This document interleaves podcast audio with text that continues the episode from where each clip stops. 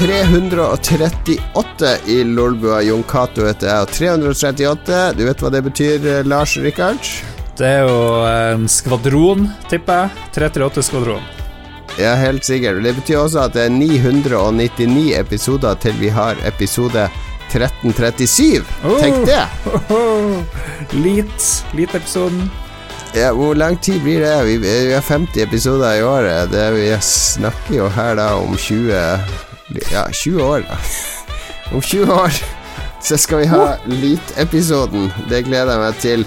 Du er med på den episoden, Philip. Jeg er med på denne episoden, men jeg er litt nervøs, fordi da er jo jeg liksom godt over 50, og hva dere har å bidra med da, det er oh. Det er jo bare du som er i live, da. Vi må jo snart skrive testamentet for Lolbua. Jeg har jo spådd at én i Lolbua eller Ragequid kommer til å dø av korona i løpet av året.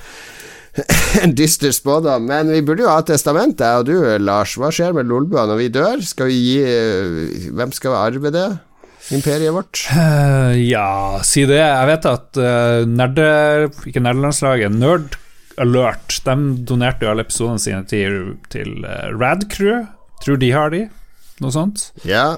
Mm, men kanskje Philip har lyst til å føre arven videre? Eh, jeg tror ikke det er noen som hadde giddet å hørt på jeg uten dere to. Så jeg tror vi bare kunne lagt alt bak en sånn gigantisk paywall, og så kunne det blitt sånn herre Å, de mystiske tusen episodene av Lulboa. Altså, jeg vil kjøre sånn uh, KLF gjorde jo det, ikke sant. De tok bort Vi har brent alle masterne, vi fjerner all musikken, ingenting er tilgjengelig. Og så plutselig så var KLF tilbake nå i januar. Så kom en KLF-plate på Spotify. Nå har de hatt en revival. Men vi, vi kan bli sånn som KLF. De brant vel opp eh, en million pund eller noe sånt òg ute på en øy når de hadde avslutningsfest. Ja, men tror du de gjorde det? Tror du de virkelig gjorde det? jeg, tror, jeg, tror, ingenting på det de gjør, men uh, de klarer å gjøre alt sånn at jeg ikke skjønner hva de holder på med, og det er jo et mesterstykke, syns jeg, da. Ja, har dere hørt noe på det KLF-greiene på Spotify som kom? Det er ganske, det er ganske gammelt. Det, det, lyder ganske gammelt. Det er jo fengende, men det, det Ja, jeg elsker det. Den Doctor Who-låten er jo kjempeartig. Uh, altså, er alle her Last Train to Transcentral og, og What Time Is Love og de låtene der de elsker. What time is love woo, woo. Ja, Kjempebra, Lars. Takk, det, takk, takk. det var helt presis. Jeg spilte precis. faktisk av originalklippet der. Kjempebra. Ok, vi har en episode der vi skal videreføre vår eh, Eller vi har innført en ny spalte forrige gang, så vi har fått eh, ganske god respons på, så vi kommer tilbake til den senere i sendinga, nemlig Spillklubben, der vi sammen med lytterne har spilt et spill den siste uka som vi skal eh, dele opplevelsene rundt og analysere litt. Men før den tid så må vi jo innom de vanlige eh, spaltene våre. og Den første er jo, som alle podkaster, hva har du gjort eller tenkt siden sist? Og nå har vi vel alle sittet bare inne for det meste siden sist. Eh, så også du, Lars? Ja, det har blitt så sykt mye korona i Harstad nå. Tror det er ja. 50 og noe sånt. Hvis du tar Det var liksom mu musikkbingo både i Harstad og Kristiansand som har vært sånne superspreder-events. Ja, jeg har hørt rykter om at uh, mikrofonen er sendt rundt i hele lokalet, og folk har sunget og styrt på, og det er kanskje en skikkelig dårlig kombo, tror jeg. Ja, Er det noen som blir Blir det 20 års fengsel på eierne av den puben, eller hva skjer? De er i hvert fall under uh, ugransking av kommunen, så det kan jo Så er det mulig at de anmelder det til politiet. Det jo, men det er jo bare trist, ikke sant. Folk er invitert, ja, er de skal på arrangement. De tror jo at det her er greit. Det er jo lov, det er jo ikke ulovlig å fære på, på musikkbingo. Det er lov, men, men, det er en del krav rundt å ha de arrangementene, så jeg tror eh, I hvert fall i Oslo her så var det jo helt nazi på utestedene med disse kravene og avstandene, og tegna opp streker på gulvet så du skal følge når du skal på do, så du ikke skal komme i nærheten av andre, osv. Jeg vet ikke hvordan det er i Harstad. Ja, nei, det har gått veldig bra. Jeg snakka med kommuneoverlegen på ganske nylig. Han sa at det var vel én person på et utested i Harstad som har blitt smitta siden mars, før dette her skjedde. Så det har jo gått bra til nå, og så gikk det skikkelig dårlig. Jeg, jeg, sitter med litt sånn blanda følelser eh, rundt dette. her Jeg tror ikke du skal mer enn én uke tilbake til Lolbua 337, hvor det var eh, noe snakk om at eh, Ja, Lars syntes det var litt dumt at hele landet liksom måtte lokke ned. Det er jo bare i Oslo det er så mye korona.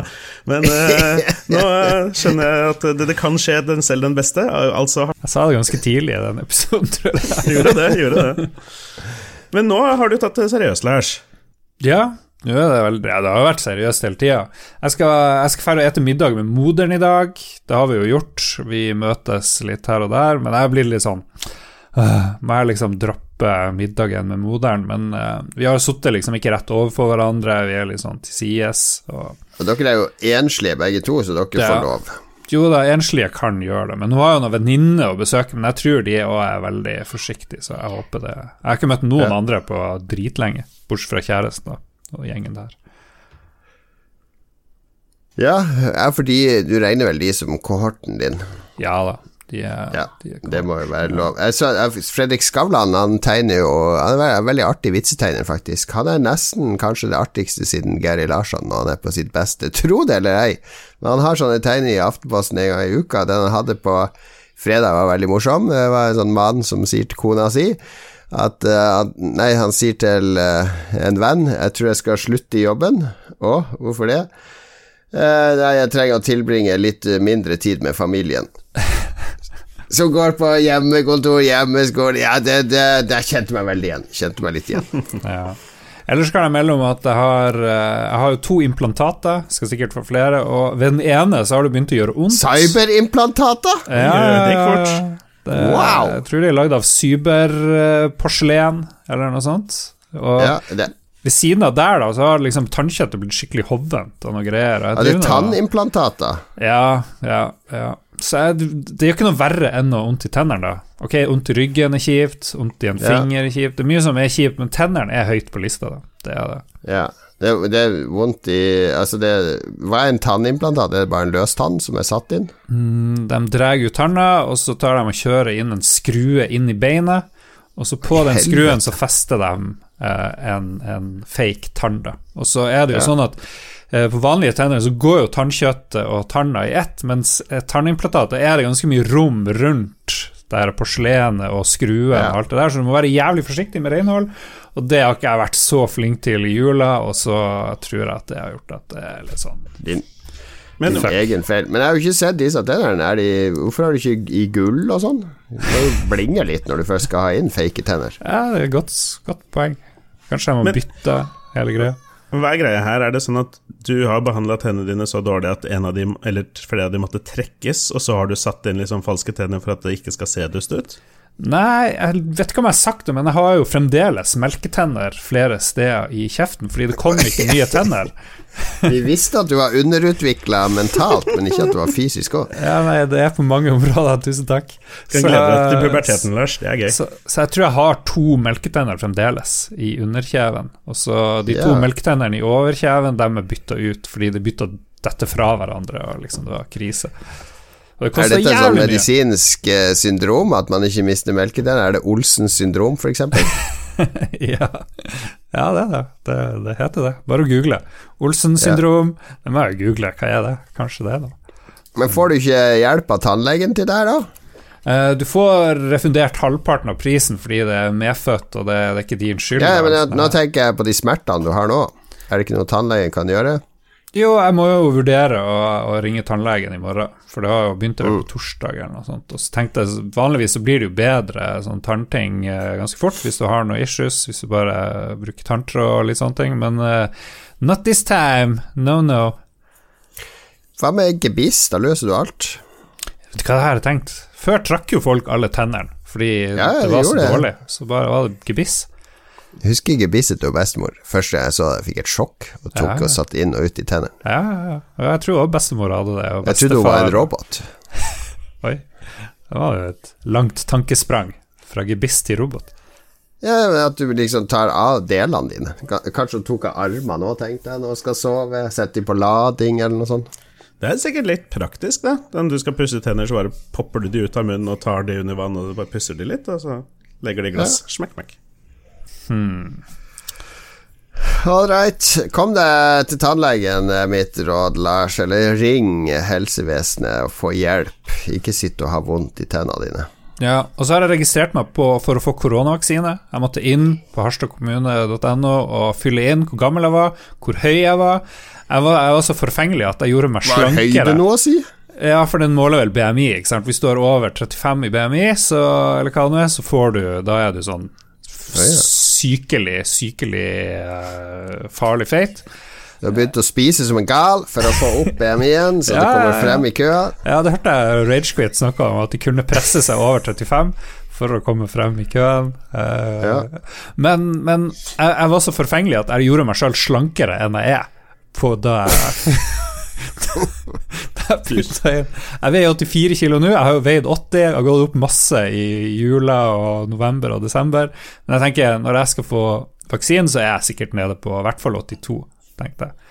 For nå er det nytt og bedre livtid. Du går da, ikke ned når du har lockdown, Lars. Sånn er det bare. Ja, jeg gikk jo ned i fjor. Ja, ja. Har dere registrert dere? Er dere på sånn liste over korona? Nei, alt det der eh, i Oslo, eh, sivilisasjon, alt det der går automatisk. De har full oversikt over oss, så du får SMS når det er din tur. Ja, ja. Men de som ikke vil ha, det er jo Kari Jakkesson og det her, det. Og, Ja, Da går det videre til neste. ja, fordi, fordi jeg måtte trykke på vil jeg ha vaksine, ja eller nei. Så jeg trykte jo ja. Nei, i Oslo Det blir for mye hvis folk skal begynne å registrere seg manuelt, ikke sant, så det tror jeg det går helt automatisk. Vi får okay. se. Prediction time. Når får vi vaksinen? Verken jeg eller du, Philip, får før til høsten. Ja, så du, ja, ikke før september 2021? Eh, der omkring, vil jeg tro. Ja, okay. ja. ja. Spørsmålet er om viruset vil mutere så mye at det ikke funker, de her vaksinene lenger, når det er vår tur. Ja. Jeg syns stortingspolitikere skal få det først, så vi får se hvor farlig det er. Ja, det er jo mange som ikke vil ha den vaksinen. der. er mange og mange. Det er jo noen. Det, det bekymrer meg. Jeg, jeg, jeg så noen som poengterte det på nettet, at forskjellen på denne og andre ting er at når de tester det ut på fattige først, så vet du da bør du være forsiktig, men når de rike står i kø for å få det først, så er det bare å hive seg på. Og sånn er det med koronavaksinen. Der uh, står de rike i kø for å få den sprøyta. Artig. Hva skjedde i deres liv, folkens? Jeg kan ta mitt, så kan Philip avslutte, for Philip sitt liv er definert, definitivt mer spennende enn mitt. Eh, på denne uka så prøvde jeg, uh, klarer jeg å ikke gå ut av inngangsdøra på en hel uke. Jeg jobber jo hjemmefra, og så er jeg så heldig at kona mi hun tar seg av all handling og sånn. Guttene de går alene til og fra skole. Så jeg så på kalenderen, jeg skal bare ha hjemmekontor hele uka.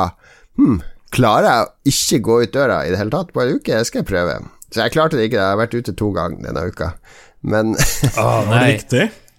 Hæ? Da var det noe viktig. Da var det noe viktig, ja. Ja, det var det. Men det var Jeg skal prøve på nytt denne uka. Jeg har ingenting på plan denne uka heller. Starte i dag, søndag. Klarer jeg å komme meg til neste søndag uten å gå ut inngangsdøra. Eh, vanlige folk tenker sikkert 'Å, herregud, du kommer til å bli gal i hodet', men jeg gjør ikke det. Koser meg inne. Jeg har ikke noe behov for å gå ut i denne snøen og kulda, eh, få frisk luft. Jeg setter opp vinduet hvis jeg trenger litt frisk luft. Det går helt fint, det. Men du trenger jo Eh, fysisk aktivitet. Det er jo ikke bra å Ja, sitte ja, ja, ja, det kommer vi til hva vi har spilt siden sist, for jeg har begynt med innendørs fysisk aktivitet. Det skal du få høre om da.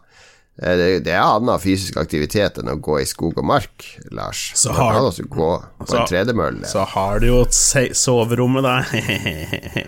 Ja, ja, det er det. Ja, det, nå begynner, det jeg orker ikke hvis du og Lars skal begynne med å tag-teame med sexprat. Da får dere fortsette. Jeg vet jo hvordan det funker i, i, eh, på Lørenskog der. Det er Lambertseter. Det er bare å ligge på ryggen, og så mobilen i den ene handa, og så får kona ta seg av resten. Eh, Lolbua-opptak eh, på. Men det er noe som vi for så vidt har snakka om siden koronaen traff og vi måtte være inne hele tida. Noen av oss takler jo dette bedre enn andre, og jeg og Sommeren er veldig sånn godt eksempel på det. For jeg, også akkurat som en Gato, jeg trives med å være inne. Jeg har ikke noe stort behov med å gå ut i kulda og sånn. Og alle mine hobbyer kan jeg liksom drive med fra soverommet, på en måte. Men siden PC-en min er her, selvfølgelig. Um, mens for så er det litt verre. Hun savner veldig å liksom gå ut med venner og gjøre ting. Og det er greit, skal gå ut på turer, liksom, men det er ikke helt det samme som å gå ut på byen. Så mm. jeg, Ja. jeg trives enn så lenge. Ja, da, jeg, jeg tenkte nå at hvis hele 2021 blir sånn her, så er det helt greit. Så jeg, kanskje jeg er bare en optimist eh, nede. Men jeg syns jo synd på alle som sliter, herregud. Det handler jo ikke bare om det. Men for meg så er det her ganske enkelt. Jeg har alt jeg trenger her inne. Så, og så har jeg tatt et sånn oppgjør med meg sjøl, for jeg liker jo Jeg er egentlig litt glad i sånn nyttårsforsett. Jeg er egentlig litt sånn glad i å prøve å forbedre seg sjøl konstant. Altså Eh, prøve å se seg sjøl utenfra. Hva er det jeg har gjort, hva er det jeg angrer på jeg har gjort, hva er det jeg vil gjøre mer av, hva er det jeg vil gjøre mindre av. Og jeg tok en sånn eh, Så litt på meg sjøl, eh, hva er det jeg holdt på med i fjor som jeg kanskje, kanskje kan kutte ut i år, som har vært en tidstyv, eller som ikke har gitt meg så mye verdi.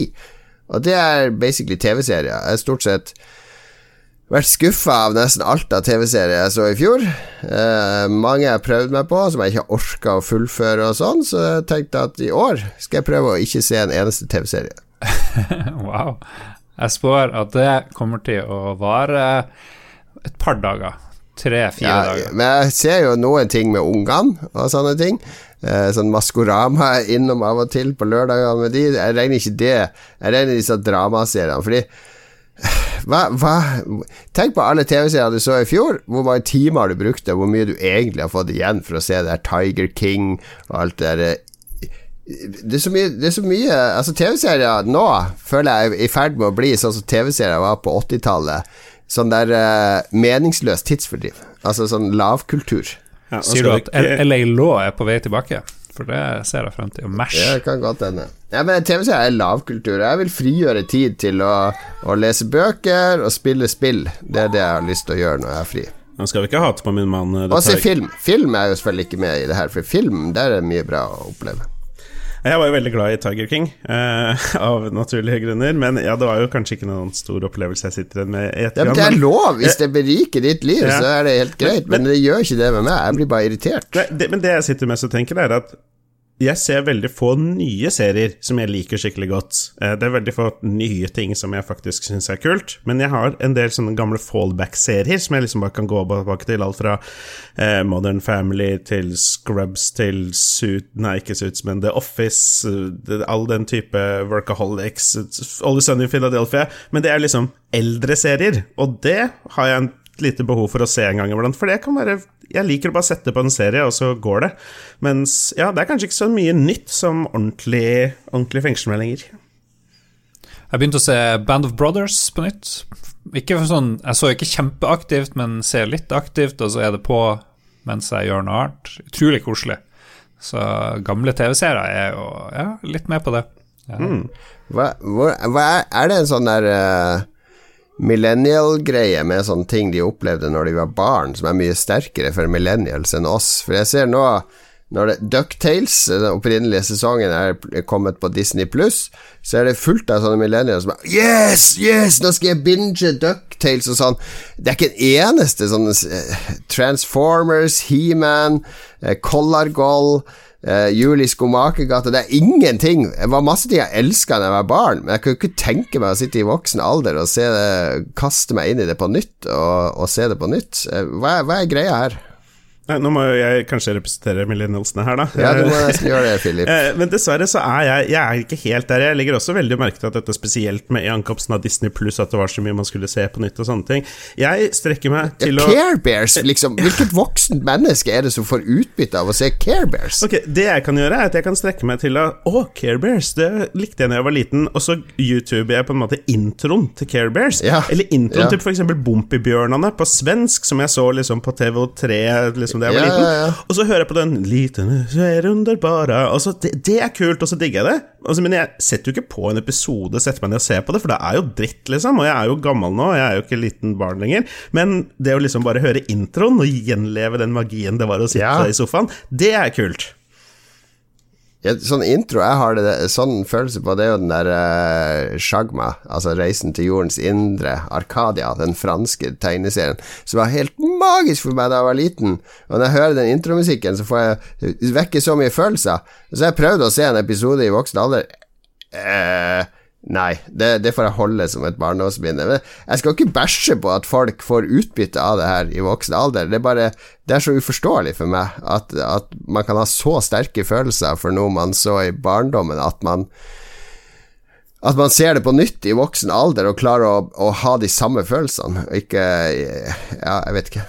Det er jo snakk om hvor rosefarga glass med briller man skal ha på seg. Ja, men Lars er jo den største romantikeren. Han driver og ser sånn 80-tallsgreier på nytt og på nytt. Men det handler jo mer om sånn action, dårlig actionfilm. Det er mer en sånn ja. Du er i en mental tilstand som gjør at du, du verds... Altså, det, er en, det, er en, sånn nostalgi for den tida og den perioden, men det, du er ikke sånn på sånn ting som er laga for barn. Du har ikke det samme forholdet der? Nei, jeg kan ikke si jeg har det. Jeg har ikke sett noe Titten Tay eller uh, hva farsken det nå heter. Å, Titten Tay sesong én er tilbake! Oh, endelig Sjokkel-Rolf! Nå skal det binges! Er, det, er jo, det er jo ingen som har det sånn. Kanskje jeg hadde sett noe de her Vi på saltkråkene, eller hva det heter.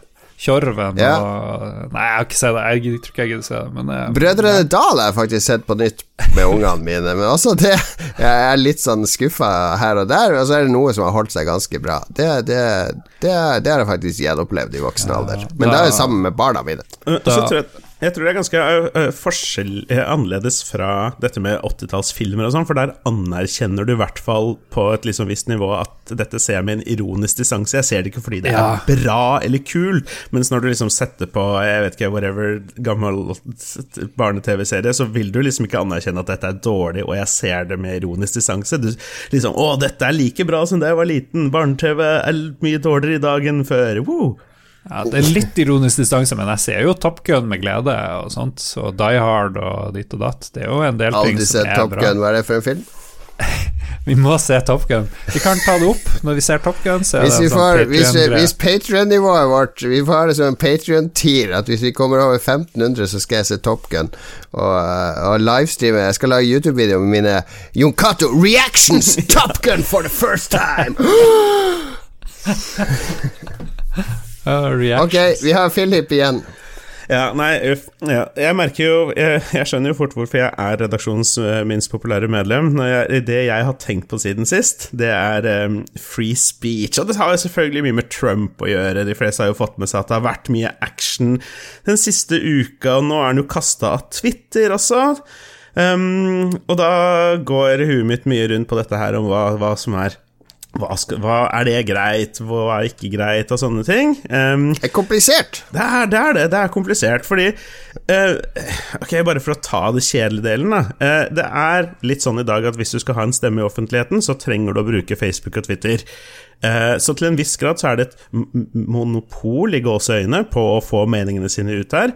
Men så er jo Facebook og Twitter private firmaer, og de kan jo når som helst bestemme seg for å stenge kontoen din eh, av hvem som helst grunner. Noe som de bestemmer helt selv. Og det er sånn føler jeg nesten det må være, samtidig som jeg syns det er problematisk. Ja, ja. Jeg tok og lasta ned noe som heter Parler.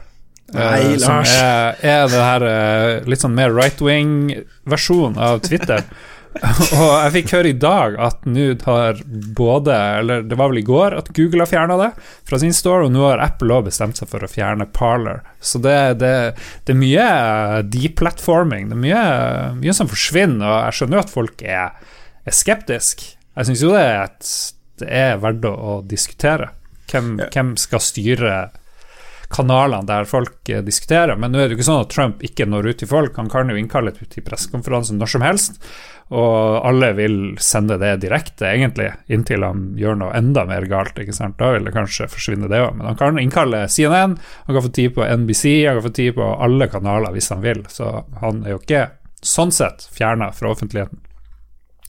Men på en måte så er han det i tillegg. Ja men, ja, men, det er kjempekomplisert. Jeg har tenkt masse på det. det jeg har masse følelser i mange forskjellige retninger, fordi jeg er jo litt sånn opptatt av å prøve å se helhet i ting. For jeg synes spesielt på Twitter så blir det så utrolig mye forenklinger. Altså det er sånn der så at det blir de eh, faksjonene, det er oss og dem, hele tida. Folk er så opptatt av å få ting inn, inn i oss og dem-bildet, Eh, alle Trump-tilhengere er jo ikke folk som går rundt i sånn pelsvikinghatt og bar overkropp og nazitatoveringer. Det er 75 millioner av de.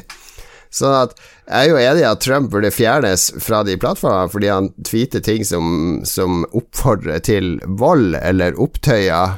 Eh, men samtidig så er, er, jo problemet er jo at 75 millioner velger å tro og følge på denne mannen, og du må jo du må gjøre ganske mye systematiske endringer og fikse ting i strukturen til USA og i rettferdighet og fordeling og by- og landproblematikk og elite versus arbeiderklasse før du har håndtert problemet. Det er så mange som er interessert i bare å snippe blomsten på toppen.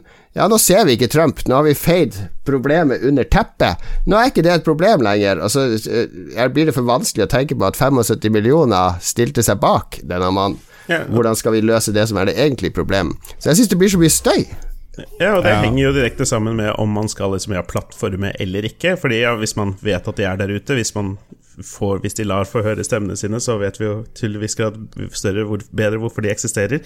Uh, jeg bare syns Jeg bare har et problem med å komme med en forslag til en løsning som jeg er moralsk ok med, og jeg tror vil funke. Fordi jeg syns Twitter, som et privat firma, skal ha mulighet til å plattforme akkurat hva de vil på akkurat sine egne liksom, moraler, og de har jo egentlig bare ett ønske om å tjene mest mulig penger.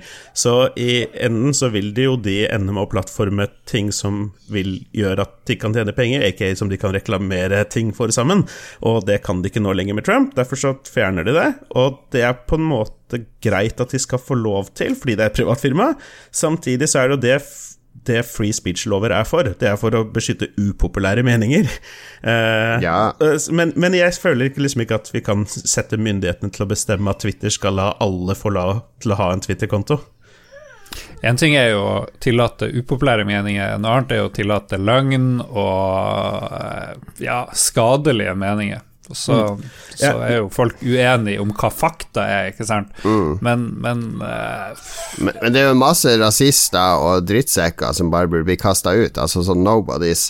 Men når det er demokratisk valgte politikere i fungerende demokrati, så syns jeg jo at man skal være ytterst forsiktig før man begynner å kaste ja. ut. Hva skulle skjedd i Norge hvis vi kunne jo kaste ut alle på venstresida? Fra sosiale medier eh, hvis myndighetene skulle sitte og bestemme, og at man bare skulle fjerne eh, de man var uenig med. Eller, altså, det er jo det som er den farlige eh, veien å gå. Jeg tror ikke at det kommer til å skje, men Trump Jeg, jeg, jeg er enig i at det er rett å fjerne han nå, men jeg mener at man, han skulle ikke vært fjerna før. Det er rettere at de har drevet og merka tweetene hans med at dette, dette er kanskje ikke sant. Dette er kanskje ikke sant. Mm, men, det, det, var, det, var, et riktig grep. Ja, Vi merker fort nå hvordan vi kommer opp i den lite situasjonen hvor vi vil ikke at myndighetene skal bestemme hvem som skal få være på Twitter, og vi vil kanskje ikke at Twitter alene skal få bestemme hvem som skal få være på Twitter. Og skal myndighetene lage sin egen Twitter, da? Eller med sine egne regler? Jeg, jeg, ja, det, liksom, det, er vanskelig. Ja, det, er... det, vi mangler her, er jo en prosess, ikke sant. Hvis, hvis Twitter er uh, symbolet på free speech, der alle skal kunne uttale seg, så må det være en, en, en prosess, en transparent prosess, bak at noen blir fjerna. Det ligger jo en prosess. De som var i Kongressen og brøt seg inn og var med å ødelegge og drepe, de, de fortjener jo reaksjon. Men jeg er litt sånn skeptisk til å skjære alle de 1000-2000, hvor mange det nå var, over én kam. Noen var vel der og kjeik og fulgte med og sånt, og de er jo kanskje litt skyldige i noe, men å liksom erklære alle for terrorister, det syns jeg blir litt Det blir litt drøyt på Ja, det, det, er det der også dem-tankegangen som er så lett å kaste. Så jeg, er helt, jeg har Twitter-pause nå fordi Uh, det er uh, det, det, skyldes at det er så mye støy. Det er, ikke, det er ikke noe konstruktivt å være der. Jeg og Fredrik Solvang, vi har tatt Twitter-pause. han, han orka heller ikke Twitter lenger. Uh, jeg bare ville nevne, som Lars nevnte i stad, jeg, har også havna litt der at jeg er for at alle meninger og ideer skal plattformes, men vi må finne en måte å ikke plattforme feilinformasjon. Mennesker som bare direkte driver med feilinformasjon. Alex Jones, eksempel, fjern han. Han har, noe, han har ikke noen grunn til å få meningene sine delt, fordi han driver bare med feilinformasjon. Som han vet er feilinformasjon. Så ja, uansett få han vekk. Men Um, Jon Cato dropper nå Twitter for en liten stund, men selv hvis han henger på Twitch, så klarer han ikke helt å unnslippe dette her. Det er jo en masse emotes på Twitch, og en av de er PogChamp, som på en måte er sånn wow, noe dritkult skjer, en hype-type emote. Uh, den emoten er jo laget etter ansiktet til en fyr, en streamer som heter Gotex. Og nå har Twitch fjerna den emoten, fordi Gotex, denne streameren, han har gått ut og støtta de som eh, angrep, holdt jeg på å si, Kongressen her om dagen, og liksom oppildna til mer vold og sagt at dette må vi gjøre igjen, og liksom den type greia, da. Eh, og det synes alle er en veldig dårlig ting, og da har Twitch benytta muligheten til å da fjerne den emoten. Um, ja. Jeg vet ikke om det er noe som er innafor, eller yeah. Ja, men nå begynner det å, å bli det der association uh, uh, Cancelled by Altså, altså man, må, man, må, man må ha takhøyde for meningsytringer uten at man skal være så drastisk, mener jeg. Hvis du begynner å gå tilbake i tid, så fjerner de sikkert Lolbua fra Spotify òg, fordi Oi, herregud, er jo disse som drev jo og heide på Donald Trump eh, når han stilte til valg i USA for eh, fem år siden. Make America great again. Ja, ja, ja, det finnes jo footage av deg i magacaps, Lars. Det kan backfire. Plutselig er du utestengt fra alle plattformer når det er screenshot. Her må vi fort, fort inn og redigere alt som ligger på YouTube. De opptakene der du sitter i magacaps. I Harstad blir kasta ut av journalistlaget og det som, var, det som var artig ironi for fire år siden, det er ikke så artig nå lenger. Nei, hvor lenge kan vi gjemme oss med at vi er ironigenerasjonen, Lars? Når er ironigenerasjonen ikke lenger godkjent unnskyldning. Ja, men det er, jo, det, er jo, det er, jo, skummelt hvis vi ikke kan tøyse og tulle med litt sånne ting, da. Hvis det skal gå så langt. Det er jo det.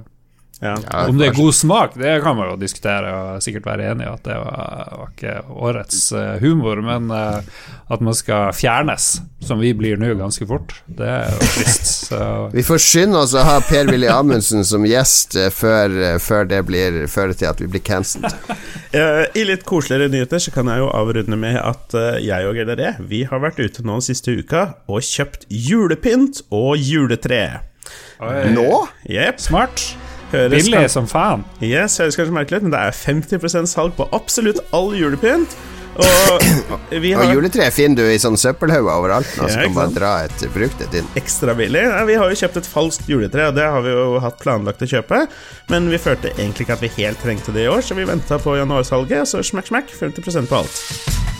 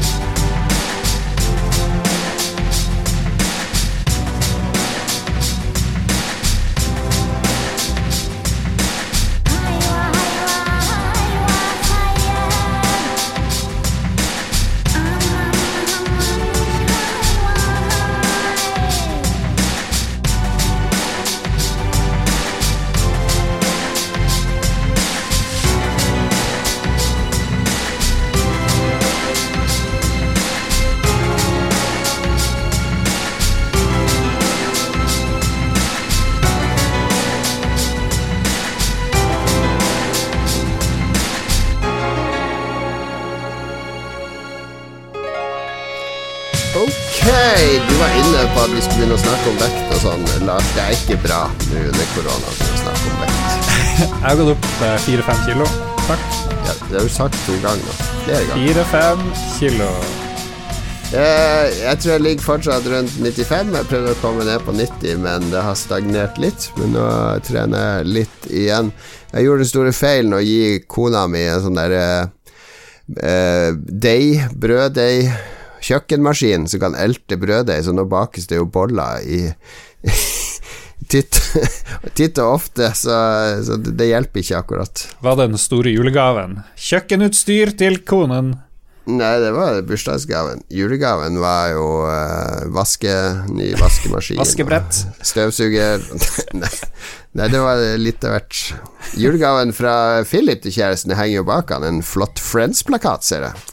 Ja, det ble kommentert det tidligere, tidligere før sendinga. Ja, hun fikk en French-plakat til meg av jul. Og det var ikke sånn at jeg bygde PC til meg selv og kjøpte French-plakat til henne. Det var noe mer òg. Men hun er stor fan av Friends, så hvorfor ikke? Ja. Hvem, hvem mener du at du ligner mest på i Friends? Chandler. Chandler? Ja, han er morsom. ja. Jeg er er veldig morsom. Jeg vet ikke hvorfor det ikke på en måte kommer så godt gjennom via podkast, men IRL Jeg er, er veldig morsom i IRL.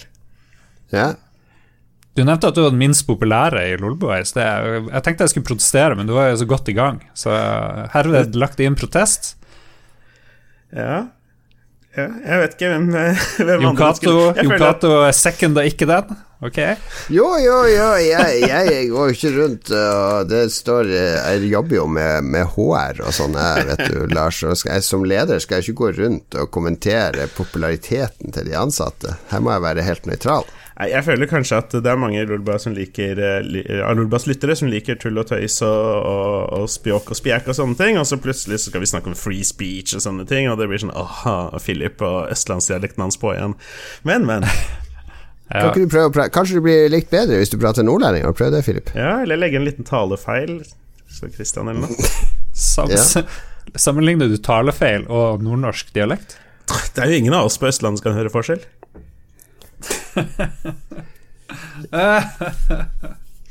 Ok, vi skal snakke om hva vi har spilt siden sist. Du er ikke den minst populære. For jeg husker jo ikke jeg ringte deg en natt med en lytter så der du var hans favoritt. Han Tore. Han er helt forelska i deg. Du har jo spilt brettspill her med Tore òg. Han, han er helt betatt av deg, Philip. Tore er min favorittlytter også. Veldig bra fyr. Ja. ok, hva har vi spilt siden sist? Uh, Lars, du har prøvd deg på en uh, Ja, mange syns det er en liten perle fra fjoråret. Ja, jeg husker du anbefalte det spillet. Du gjør jo uh, et poeng av at jeg aldri hører eller stoler på dine anbefalinger, men det gjør jeg. Jeg tar de til hjertet.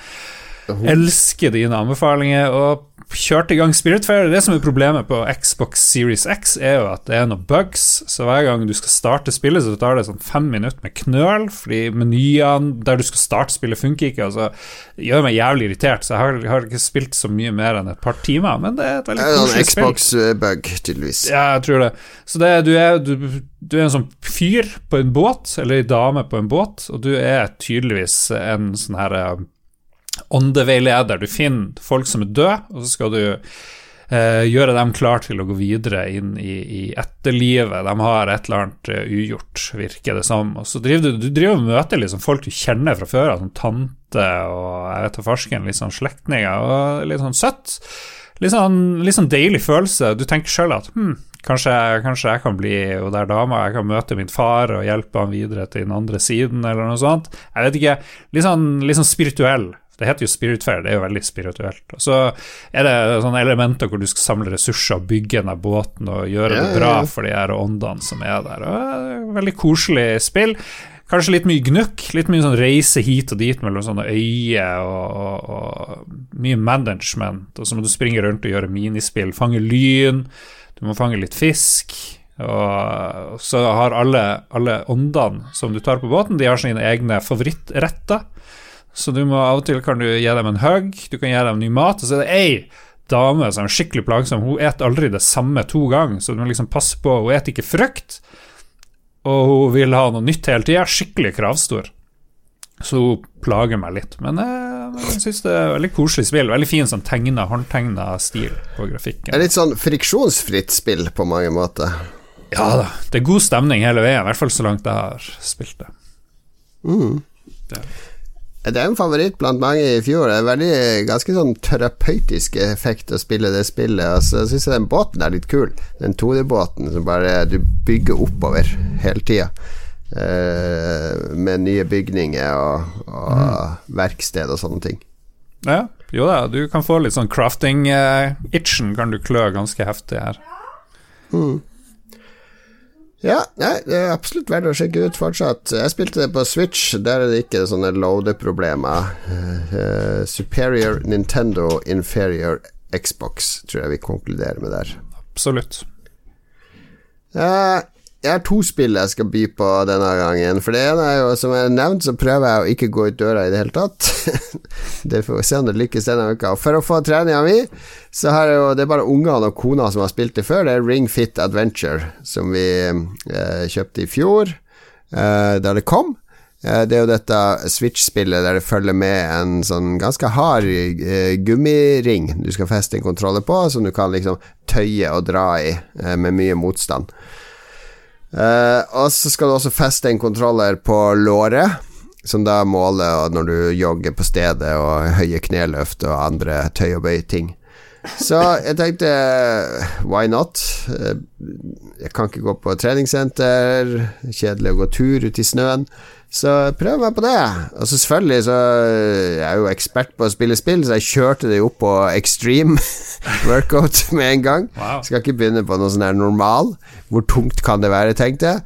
Og det kan bli Det blir ganske tungt. Du skal drive og squatte og holde posisjon og ta 25 sånne squats etter hverandre, og så ned på gulvet med eh, beinløft og, og jogge på stedet i tre minutter. Og det blir svett. Du blir svett, og du kjenner det i lår og, og muskler at du, du har eh, trent, faktisk. På en helt okay. annen måte enn Vi Fit, som bare var det balansebrett og, og sånne ganske basic yogaøvelser.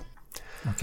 Er det hver dag? Hvor lang tid trener Ja, trener jeg du? prøver å få meg fem dager i uka, og det er en halvtime hver gang, ca. Altså, de har jo laga det som et spill, ikke sant, så på skjermen så er det sånn avataren din driver og jogger innover, og du kan eh, bruke det hjulet til å fange mynter og skyte ting på veien og sånne ting, ved å skvise det inn. Den der ringen, så, så skyter ting en sånn eh, stråle ut. Og så skal du slåss mot bosser, ikke sant? og da må du ta masse forskjellige sånne øvelser. Eh, så kommer det gradvis flere og flere øvelser, og, skal få ned hitpointsen på bossene og, og fiendene. Og jeg syns det er variasjon, og det der eh, Ja, det at, de har, at det er et faktisk spill, gjør jo også at det holder motivasjonen litt oppe. Man går jo opp i level og alle sånne her, psykologiske mekanikker som skal holde deg engasjert. Hmm. Skeptisk, men det høres jo ikke så dumt ut. Det gjør ikke det. Ja, Både jeg og kona spiller det fast her hjemme nå, som vi er i hjemmekontor eh, begge to, så jeg anbefaler det absolutt. Men det som jeg virkelig har spilt nå, er endelig har jeg hørt på Mats. Jeg også hører på anbefalingen, som nå er hekta på Escape from Tarkov. Jeg prøvde det for halvannet år siden, jeg tror jeg nevnte det i Lolbua. Det ble, det ble for mye å sette seg inn i, så jeg, bare, jeg ga liksom opp på en gang. Og så orker jeg ikke å spille med Mats i sånne spill med en gang, fordi når du spiller med Mats, det er litt som å være i militæret. Det er veldig høye krav. Ok.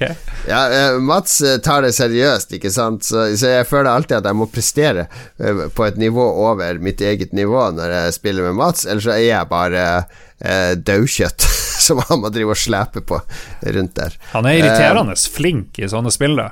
Han er litt sånn Irriterende flink, eh, tar det veldig seriøst. Eh, jeg skjønner jo at det er drømmespillet til Mats, fordi Escape from Tarkov, som Mats har sagt, er jo en litt sånn hardcore eh, army-shooter.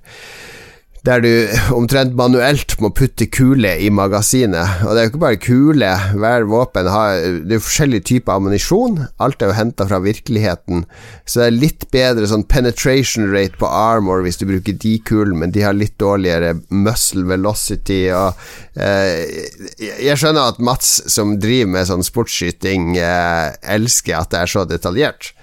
Eh, så at uh, halve spillet er jo bare inventory management, å finne ut hva slags utstyr er verdt å bruke, og hva slags ammo skal jeg bruke, og osv. Men selve spillet er jo at du spåner inne på forskjellige kart i dette Tarkov-området, fiktivt område i Russland, der du enten er en, uh, en soldat, en PMC, en private military contractor, eller en scavenger. Og når du er PMC, så bruker du utstyret som du har i ditt private lager, altså våpen, rustning, ryggsekk osv. Og, og dør du, blir du skutt, så kan andre spillere lute det utstyret, eh, så mister du det permanent. Eh, så det går ut på å spåne inn, og så har du sånn halvtime, tre kvarter på deg til å gå rundt og lete etter ting. Det er masse lut som ligger gjemt her og der, og inne i hus og bygninger og gravd ned i bakken. Og ta med deg lutet ut på et sånn extraction point. Så du får beskjed når du begynner hvilke extraction points som er åpne, og så er det bare å lute og komme seg dit og drepe litt underveis. Og klarer du det, det er det største rushet i livet ditt, når du kommer deg ut med soldaten din i livet og med masse lut. Uh, kanskje har hatt et par kills underveis. Da føler jeg deg som Da er du virkelig kongen av verden. Men som det skjer med meg, to av tre ganger, så, så blir jeg drept underveis inni der, og da føler du deg som verdens største idiot. Det er, jo det, det er jo det Mats og andre har sagt, som jeg kjenner som spiller, at det er Du får sånn sinnssyk puls. Det Ja, jo det er helt, det er helt vilt hvor, hvor investert du blir, uh, hvor intenst det er. Men så har du disse scavenger runs. eh, De, disse er jo fattigmannsversjonen, Fordi da spåner du som en sånn random eh, innbygger eh, på det kartet.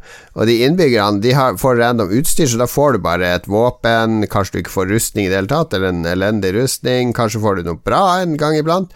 Og da handler det bare om at du må prøve å overleve og komme deg ut. Hvis du kommer deg ut til exiten din da, uten å bli drept, så får du beholde det utstyret. Det kan du overføre til din private soldat. Er det ikke bare å springe til exiten?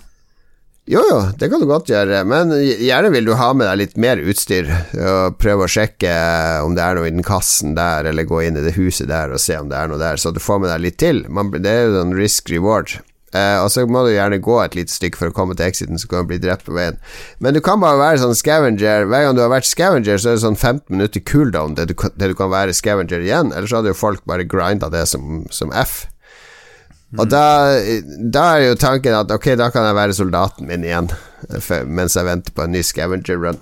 Hvorfor, er, hvorfor driver ikke du bare og camper exiten hele tida? Skyter ned de som har alt utstyret, og så bare tar du det? det er noen som gjør det. Uh, det, det. Men det går altså på tida, ikke sant? Fordi når du spawner inn i brettet, så er det 40 minutter. Så jeg som en noob, jeg rusher liksom ganske fort mot exiten, uh, luter et par steder underveis og prøver å komme meg ut. Fordi da er de andre opptatt med å lute. Men hvis jeg venter for lenge, så, så spåner disse player scavs, altså de spillerne som spiller som scavenger, og da er det en vanlig taktikk å legge seg ved en, en exit for soldatene og gjemme seg, og så prøve å ta dem når de kommer, for å få skikkelig bra lut. Så hvis man er kjapp, så, så unngår man det. Altså Det er masse sånn psykologisk eh, spill i bakgrunnen her, og ting å ta hensyn til. Men okay. jeg er så investert som jeg aldri har vært. Jeg går og tenker Tarkov 24-7, og vi er en hel gjeng nå som spiller. Det er meg og Tore, som jeg nevnte før, og Doktoren og, og Ruben fra NRK. Eh, så vi er en svær eh, squad med idioter som går inn, spåner inn der jevnlig for å bli drept. Hva er, Okay, Hvor stor er terskelen for å begynne med dette her? Den er ikke veldig stor. Altså, det som skjer, er jo at uh, Spillet er jo sånn her Det er sånn Dark Souls av skytespill, basically. Fordi når du spawner inn på et kart, da, du aner du ikke hvor du er. Så det første du prøver å tenke på, er å trykke på M for å se kartet, men det er ikke noe kart i spillet. Så det, det første du gjør, er å gå på wikien og studere kartet før du spiller, som du skal spille, og ser hvor du kan spåne. Og så tar du noen sånn offline-runs på det kartet, der du går rundt på det et par runder for å bli kjent med landemerker og sånn, og så begynner du å spille. Uh, så det allerede der er jo terskelen litt høy, at du bør jo researche kartet litt før du begynner å spille det spillet, og velge deg et kart. Eh, men så kommer den neste terskelen. Det er jo Ok, jeg har fått et kult våpen, men jeg får jo ikke putta kule i våpenet her fordi du har feil magasin. Fordi det finnes 40 forskjellige magasiner og 100 forskjellige typer ammunisjon. Og så må du gå på nettet og finne hva slags ammunisjon funker det, og så finner du ut Ja, det er dette magasinet, ok, det har jeg funnet, men det er syv forskjellige typer ammunisjon jeg kan putte i det magasinet og bruke i det våpenet. Hva er forskjellen på de, da? Og så kommer du til disse tabellene over armor penetration og rikosjetsjanse osv. Og så må du gå i butikken, og det er selvfølgelig ikke én butikk, det er syv forskjellige folk du kan kjøpe ting hos, og finne hvem er det som selger den type ammunisjon. Ja, det er ikke han, det er ikke hun, det er ikke han. Ja, der, han, han har den. Men han skal ha betalt i dollar, men jeg har jo bare rubler. Ja, for det er rubler, euro og dollar. Så jeg, ok, du skjønner hvor jeg vil hen. Det er litt sånn eh, Så svaret på spørsmålet hvor høy terskel er det, er veldig, veldig, veldig høy. Ja, eller egentlig ikke, fordi det er veldig mye ressurser på nettet som hjelper deg i gang. Ja, Det er sånn her beginner loadout, hva bør jeg kjøpe og gjøre, hvordan bør jeg, hvilke brett bør jeg spille, hva er en god loot run, osv. Det er bare hvis du ikke er villig til å bruke litt tid når du ikke spiller på å researche spillet, så kommer du ingen lang. Ingen vei. Eh, det minner meg litt om noe som har uh, fått sjukt mye hype i det siste, som heter Rust. Som er et spill som har vært ute, ute en stund, men har fått en sånn veldig gjenopplivning på Twitch nå i det siste. Mange av de store streamerne har begynt å spille dette her, og jeg har jo ikke spilt noen av disse spillene, men i, det høres litt lignende ut. Sånn som ja, I Rest skal du spawner du et sted, og så må du ja, lage deg ting og få ressurser og sånne ting. Eh, men der er det litt mer fokus på bygging, det å bygge seg liksom en base, og så raide andre sin base og sånn. Men hva er liksom poenget i, i Tarkov? Liksom, når du bygger deg en kul figur, liksom, hva, hva, hva skjer etter hvert, liksom? Eh, det er flere nivåer her. For det ene er jo jo mer du spiller og gjør ting Du går opp i level, ikke sant, så du blir sterkere, kan løpe litt fortere, bedre endurance, bedre rekylkontroll osv. Så, videre. så det er jo en sånn veldig eh, merkbar progresjon. Den andre er jo utstyr Altså, du har masse quests. Eh, alle disse syv, eller åtte blir det etter hvert. Eh, folkene du kan handle og selge varer til, de har også quests til deg. Som noen går ut på å finne to av de våpnene på det brettet og, og, gi til meg, eller drepe så mange, eller lokalisere en sånn camp som skal være i det området. Uh, fullfører du de, så får du ganske mange rewards. Så alle disse har sånn questlines som man kan prøve å fullføre, som kommer til å ta ganske mange timer å gjøre. Uh, altså Den tredje er jo utstyret ditt. Fordi uh, når du finner bra utstyr og bra våpen, en uh, M4-rifle f.eks., og begynner å modde den og sette på ting, så, og, og, at du tar den med deg offline, og 'dette var deilig våpen å bruke', her et våpen jeg liker Så hver gang du spawner inn som soldaten din, så risikerer du å miste det våpenet ditt som du kanskje har brukt mange timer på å finne og finne, kjøpe utstyr til, og utstyre et våpen som kanskje er verdt mange hundre tusen rubler for det. Sånn at det er den der, eh, den der Dark Souls-greia, den der risikoen Du spåner inn med det beste utstyret ditt, og du vet at hvis jeg ikke overlever det, så mister jeg alt utstyret her. Ok, Så endgame er på en måte at det er enda høyere risk for rewarden? Ja, endgame er ikke Det er kanskje ikke det beste. Endgame kommer etter så mange timer at det kommer aldri til å komme okay, til det endgame. Okay. Men, men, når folk har levela opp maks og fått skikkelig bra utstyr og en økonomi, sånn at de basically kan kjøpe seg opp igjen, uh, tilbake igjen når de vil så er det liksom ikke så mye mer å gjøre. Og det er da spillet begynner å stagnere, fordi toppspillerne de ligger da og camper extraction points mm. og bare dreper noobs. Men det som de har gjort nå, ikke sant på, på, julaften så kjørte de en vipe i spillet, som betyr at nå tar vi fra deg alt utstyret, vi nullstiller alle leveler. Uh, alle starter fra scratch. Vi har gjort om på kart. Intro, stor ny patch. Vær så god, kjør i gang. Og da, når alle starter på samme level, da er det kjempegøy, ikke sant? For da, da driver alle og gjør quester, og alle har missions å gjøre. Ingen, ingen har stagnert. Jeg skjønte det på Mats, at det også kom litt ut av ingenting. Plutselig på julaften så var det smakk, smakk, nå begynner vi på nytt. Blank ark. Ja, ja, ja. Og det er et genialt trekk for å holde liv i spillet og rebalansere ting og introdusere nye ting og, og få folk eh, i giv. Altså, man spiller, det er jo ikke noe story du spiller igjennom, men det er det derre uh, lyst til å finne ting, lyst til å fullføre quester, lyst til å bygge ut hideouten din. Det har jeg ikke nevnt i det hele tatt, men du har jo en sånn hideout der du kan bygge dass og workbench og seng og alt mulig som gir deg masse fordeler. Kan du raide andre spillere sin hideout? Det kan du ikke. Okay. Man møtes bare på disse kartene man spåner på, alle med samme tidsfrist. Men så er det jo folk Noen spiller alene, noen kan gå i gruppe opp til fem.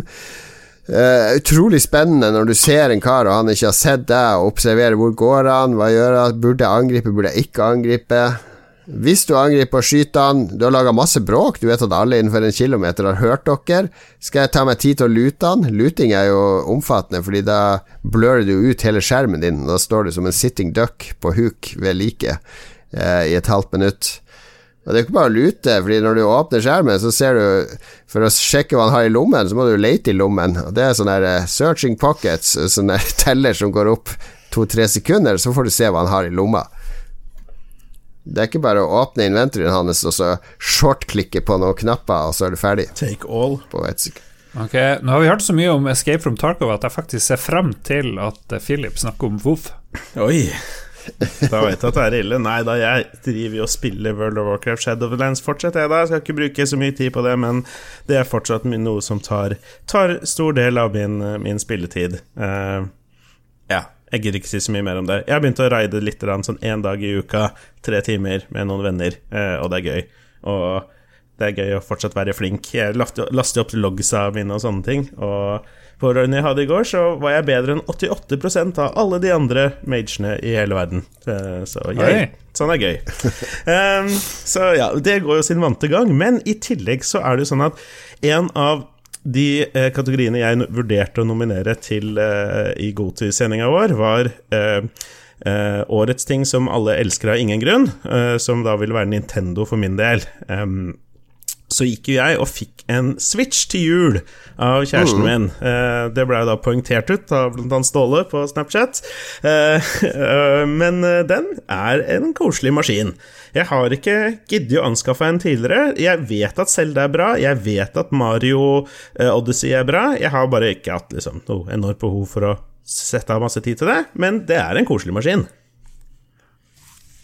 Absolutt, ja. ja. Så da er spørsmålet Hva er det første spillet når du får en ny Nintendo Switch? Hva er det første spillet du kjøper og laster ned? Det er jo noe Fifa, Selda, Zelda, Breath of the Wild. Det var jo Final Fantasy 7, selvfølgelig.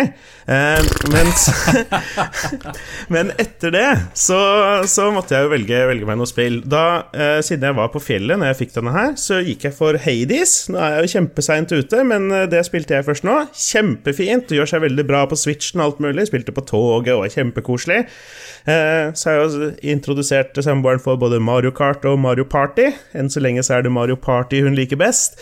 Eh, og så har vi, har vi jo også lasta ned Breath of the Wild. Det er jo et spill som jeg gleder meg til å spille lenge, som jeg har titta så vidt på. Jeg gleder meg til å, til å spille mer av.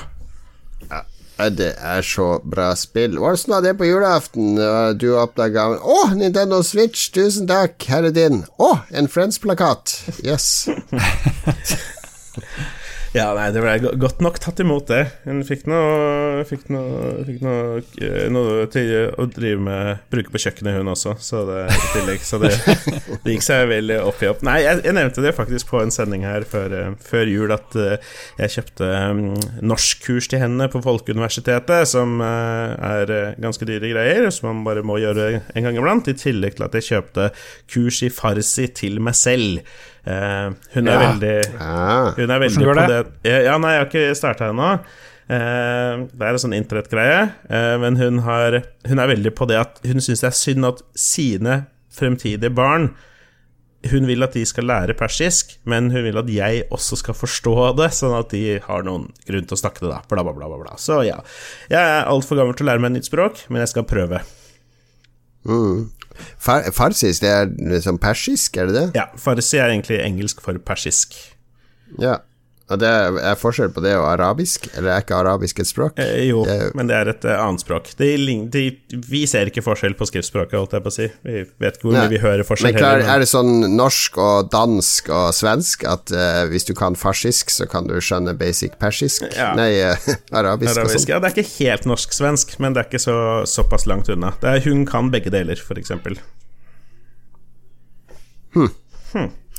Så nå vet vi det. Så nå, ja, jeg skal gjennomføre det kurset, og så får vi se hvem av dere to som eh, vinner eh, et eh, kurs i farsi til dere selv i min neste Roffelbua-konkurranse.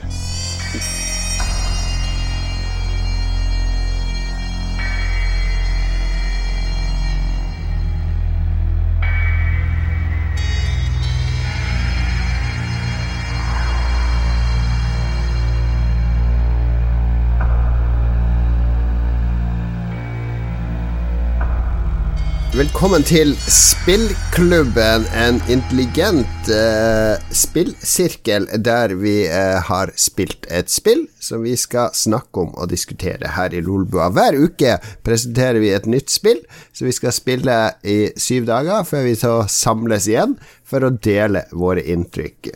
De som er samla rundt bordet her i dag, er Jon Cato, Lars og Filip, og vi har alle spilt et spill som heter A Short Hike. Stemmer. stemmer Veldig koselig spill. Og ikke minst et koselig spill, men også et perfekt spill å starte spillklubben med. Eh, veldig hyggelig, koselig, vi skal komme mer tilbake til det, og fin lengde. Ja. Vi har også invitert lytterne til å være med og bidra med sine inntrykk, og det har de gjort, eh, til vår store glede. Man vet jo aldri hvordan sånne ting går når man prøver å engasjere publikum. Men vi kan si litt om spillet først. Uh, Short Hike er laga av uh, en som heter Adam Robinson U.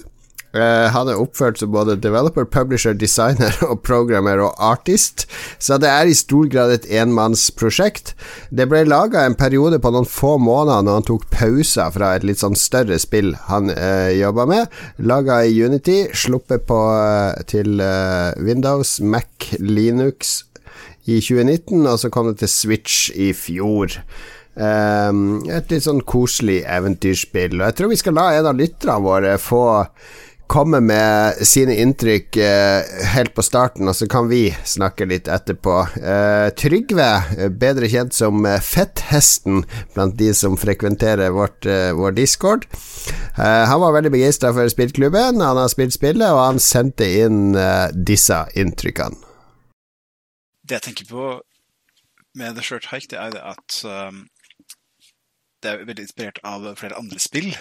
Du kan jo se det at klatremekanikken og utforskinga, skattejakt og sånn noe, som det er mye av i uh, Short Hike, det finner du også i f.eks. Breath of the Wild, uh, nyeste Zelda-spillet.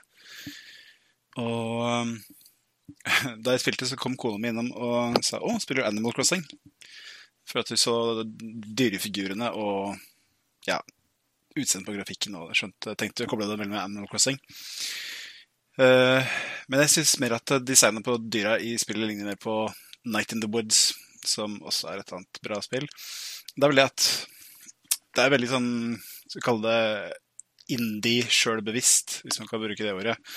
Altså at det er liksom Det trekker veksler på en del andre spill, og når du ser på hvordan det er skrevet, at det er, eh, det er ikke noen store bokstaver, og det er liksom lite tegnsetting, og det er veldig sånn veldig, veldig muntlig språk. Sånn litt sånn uh, Hva skal jeg si Sånn internett-slang, quirky måte å skrive på. Som Jeg føler at det er han som har laga spillet, det er laga mest av én person, som dere sikkert har nevnt, at det er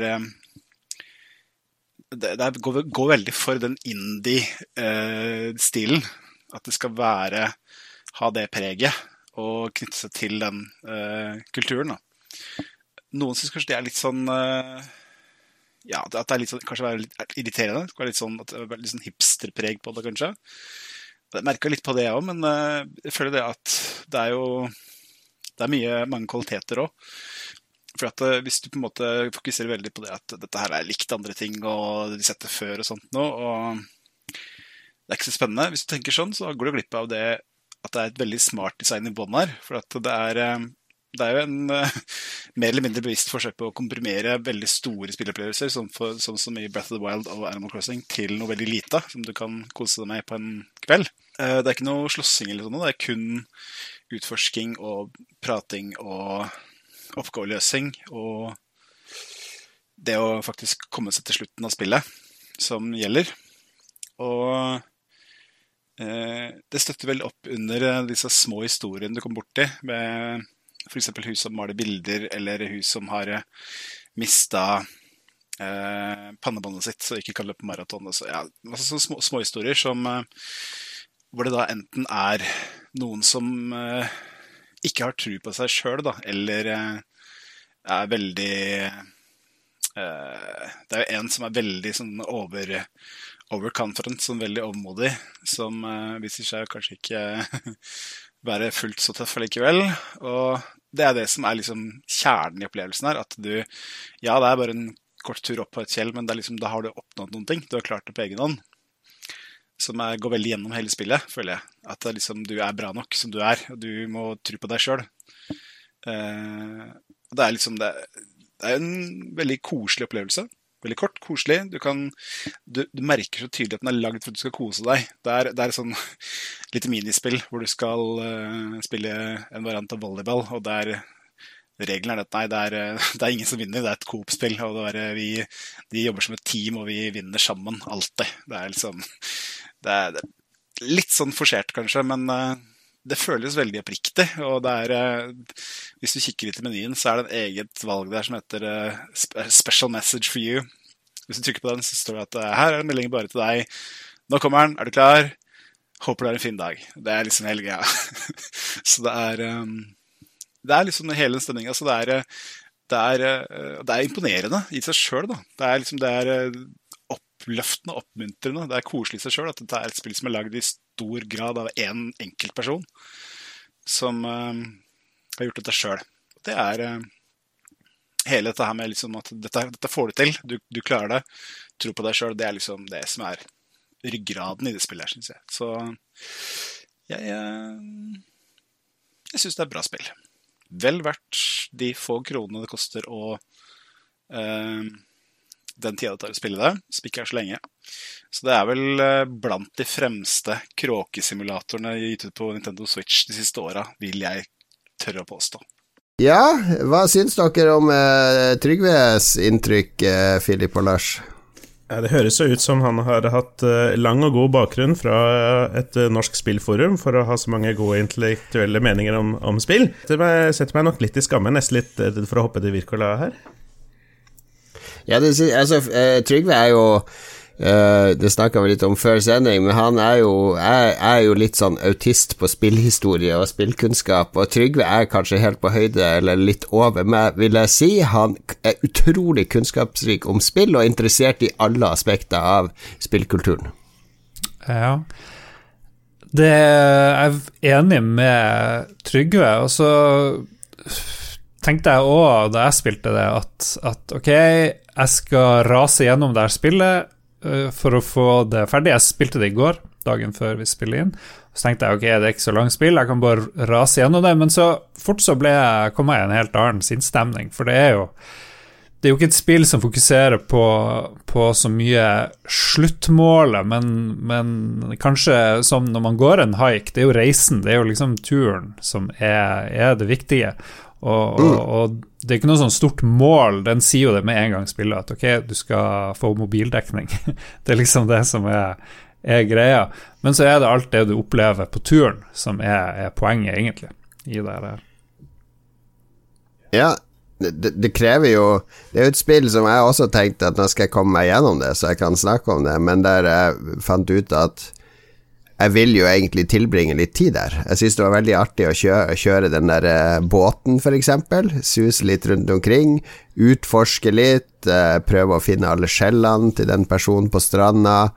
Uh, så det er et spill som krevde min tilstedeværelse i større grad enn å bare få en shortlist med opp opp oppgaver å gjøre og prøve å fullføre de fortest mulig.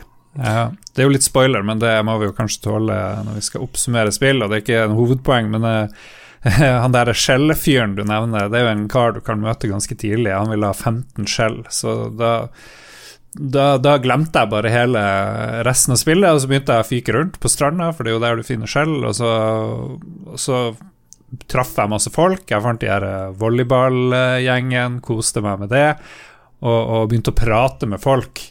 Uh, og, mm. og syns dialogen er veldig fin. Um, den, den, er, den, er, jo moderne og veldig uh, i tiden, men den er ikke sånn pinlig pinlig moderne eller sånn edgy for, for, å bare være det. Men så jeg nå, fant jeg nå alle de her skjellene jeg trengte for å, å, å kanskje få noe stilig fra fyren, og så får jeg levert det, og så bare Nei, han hadde ingenting til meg. Det var bare Ja, ja. Men jeg har en annen oppgave til deg òg, hvis du har lyst på det. For, for, det var så morsom dialog hvor det er sånn derre eh, Hei, har du de 50 skjellene mine? Ja, jeg har de. Her er de. Tusen takk.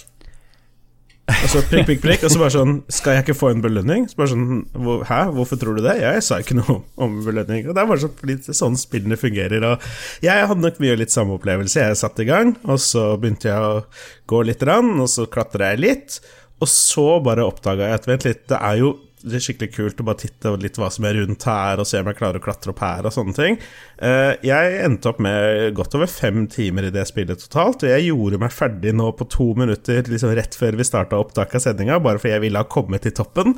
Fordi utover det så brukte jeg bare masse tid på å utforske alle de øyene rundt, og svømme så langt ut i havet jeg kunne for å se liksom om det var noe limits, og det var det dessverre, og følge de hele veien rundt. Og jeg vet ikke om det fant dere den øya hvor du måtte plukke sånn søppel?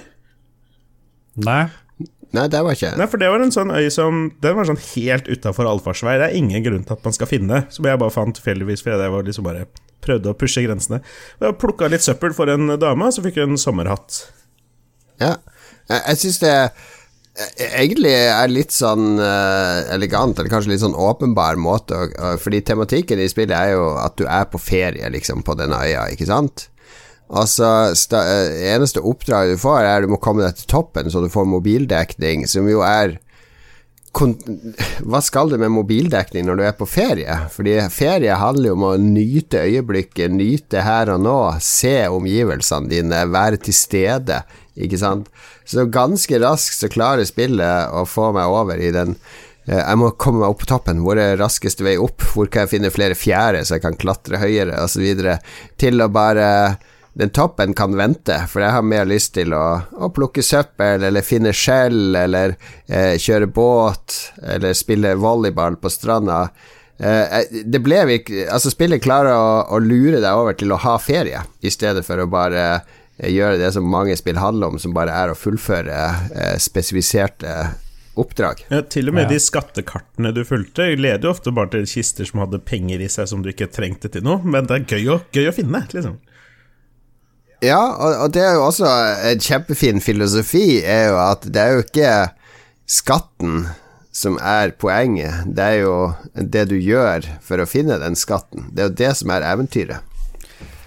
Hvis vi skal snakke litt om mekanikk og utseende og liksom det, det mekaniske, sånn, så syns jeg det er ganske smart og fint at øya er noe du kan gå rundt ganske lett. Og, og du har oversikt over hele spillverden. Det er ikke sånn at du møter en vegg. Her er denne delen av øya er avsperra, du får tilgang til alt. Eh, Det er vel som Philip sier, en grense rundt. Du kan ikke svømme forever og sånt, men det prøvde jeg ikke på heller. Men jeg får en annen ro i, i og tiltro til spillverden med at ok, jeg har gått rundt hele øya, nå kan jeg gå litt sånn andre steder, og så vet jeg at det henger sammen, og at det får, det får en annen sånn virkelighetsfølelse, egentlig, for meg, akkurat det der. Ja, du føler eh, at du Du har på en måte kontroll på spillverden når du har gått rundt den øya en gang. Ja, ja, faktisk. Mm. Eh, Er det litt sånn for friksjonsfritt? For jeg, føler at det er veldig lite motgang i det spillet. De fleste oppdragene er ganske enkle å utføre. Det er aldri noen steder der du som spiller får satt ferdighetene dine på prøve. Kanskje volleyballen er det eneste der du må komme, målet er å komme over et visst antall uh, pasninger, men Jeg tror det kommer litt an på hvor mye du utforsker, fordi jeg begynte å utforske veldig mye ganske tidlig, og da er det jo mye uh, mange steder jeg ikke kan komme til, for jeg har ikke nok golden feathers, som er denne du samler for å kunne klatre høyere og ja, flakse raskere, holdt jeg på å si. Eh, og da ble det litt sånn Jeg begynte å liksom prøve å ja, liksom, se om jeg kunne finne et høyere punkt og sveve ned, eller sånne ting. Eller så måtte jeg bare komme tilbake senere, for så vidt. Men ja, som spillmekanisk så er det jo ikke så veldig utfordrende. Mm. Nei. Men eh, jeg vet ikke. Trenger spillet å være så vanskelig i det her tilfellet? Jeg vet ikke. Det, jeg Nei, ikke absolutt det. ikke. Jeg, jeg bet i meg at uh, det var noen gang der jeg slet litt med motivasjon, fordi det, det føltes litt som jeg var i sånn der uh, barne-TV-land, at uh, ikke at jeg trenger belønning eller noen sånne ting, men at det, det, det er sånne Det er sånn veldig forenkla Zelda-fetch quests, eh, hele spillet, egentlig, med et persongalleri som er spredd rundt på øya, og så gradvis så får du ferdigheter til å klatre høyere og høyere. At eh, det ble litt sånn Når det ble litt sånn analytisk, så ble jeg litt mer skeptisk. Ja, ja, jo. Hmm. Uh, angående spillmekanikker, så må jeg også snakke om hvor elegant det føles, fordi det er veldig intuitivt å kontrollere, og den flyginga som jeg tror veldig mange eh, spilldesignere kunne rota til veldig og overkomplisert. Den Det føles veldig deilig å fly i det spillet. Eh, jeg, det å fly i spill, eller å kunne sveve, eller å ha et eh, apparat som lar deg fly eh, er berusende. Ja, dette går helt tilbake til uh, Studio Ghibli-filmene, som veldig ofte handler om å fly. Uh, han Miyazaki er veldig opptatt av å fly. Uh, men jeg, jeg, jeg, føler dette speiler seg i mange spill jeg kjenner der du får evnen til å fly. Gjør, det er sånn mektig og, og fin følelse, og den syns jeg var bevart veldig godt i det spillet her. Det er når du står oppå en topp og hopper ut og så svever rundt og har full kontroll, ser under deg på ting og tang og la, vet hvor du skal lande, og bare svever og lander ned der. Det er kanskje Det var en slags mestringsfølelse for meg, den flyginga. Ja. Jeg fikk litt den der uh, Tiny Bird-feelingen, uh, hvis det var det det het. Et ganske populært spill på mobil.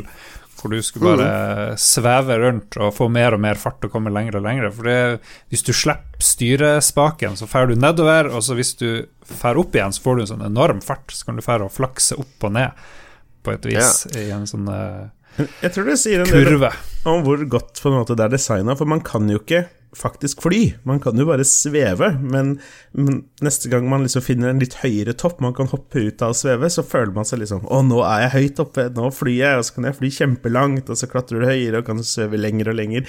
Eh, det gir deg en veldig sånn kul ja, opplevelse av å fly uten at du faktisk kan gjøre så mye annet enn å sveve på vinden. Mm. Uh, hvis vi skal konkludere, hva, når vi var ferdig med spillet, nå når, vi har lagt det fra oss, er det noen tanker vi sitter igjen med? Det, ble vi noe inspirert av dette? Er det noe vi kommer til å uh, ta med oss i bakhodet? Og, og Ja. Ja, det ga meg en god følelse. Mer det, egentlig.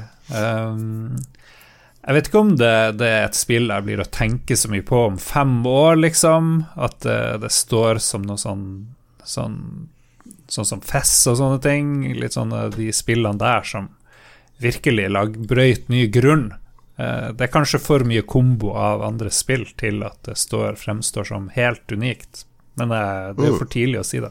Ja, det, det ligger litt i navnet, holdt jeg på å si. Det er litt sånn som å gå en kort tur Gå en kort topptur på en søndag. Det er koselig, det er ålreit, det er hyggelig å gjøre, men det er kanskje ikke noe man husker i, i veldig lang tid etterpå. Litt sånn som er dette spillet også. Det er en veldig hyggelig opplevelse, eh, men ikke nødvendigvis noe som eh, noe som setter veldig spor Men det minner meg jo på at det enkle kan noen ganger være det beste. Eh, som det har en tendens til å være i disse indie-spillene, som eh, Short Hike er et godt eksempel på.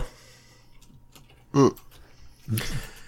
Ja, jeg, jeg, jeg tenkte uh, når jeg hadde spilt det, at hvis jeg kjenner noen som ikke spiller, som er litt nysgjerrig på spill, som trenger noe en oppmuntring eller noe positivt i livet sitt, så er dette helt klart høyt oppe på lista over eh, Prøv å spille dette spillet og se hvordan det får deg til å føle. Eh, ja. Fordi det er såpass lett å komme inn i, og lett å spille, og så enkle enkel og friksjonsfritt. At jeg tror uh, det kan være et fint uh, spill for, for folk å, å, prøve seg på, selv om de ikke er veldig spillkyndige. Ja, det er relativt lav, lav, terskel. Det skal det ha. Og om noe så vil jeg si at jeg irriterte meg litt over kamera, som var veldig bestemt på å vise meg spesifikke deler av kartet til tider, når jeg hadde lyst til å se noe annet.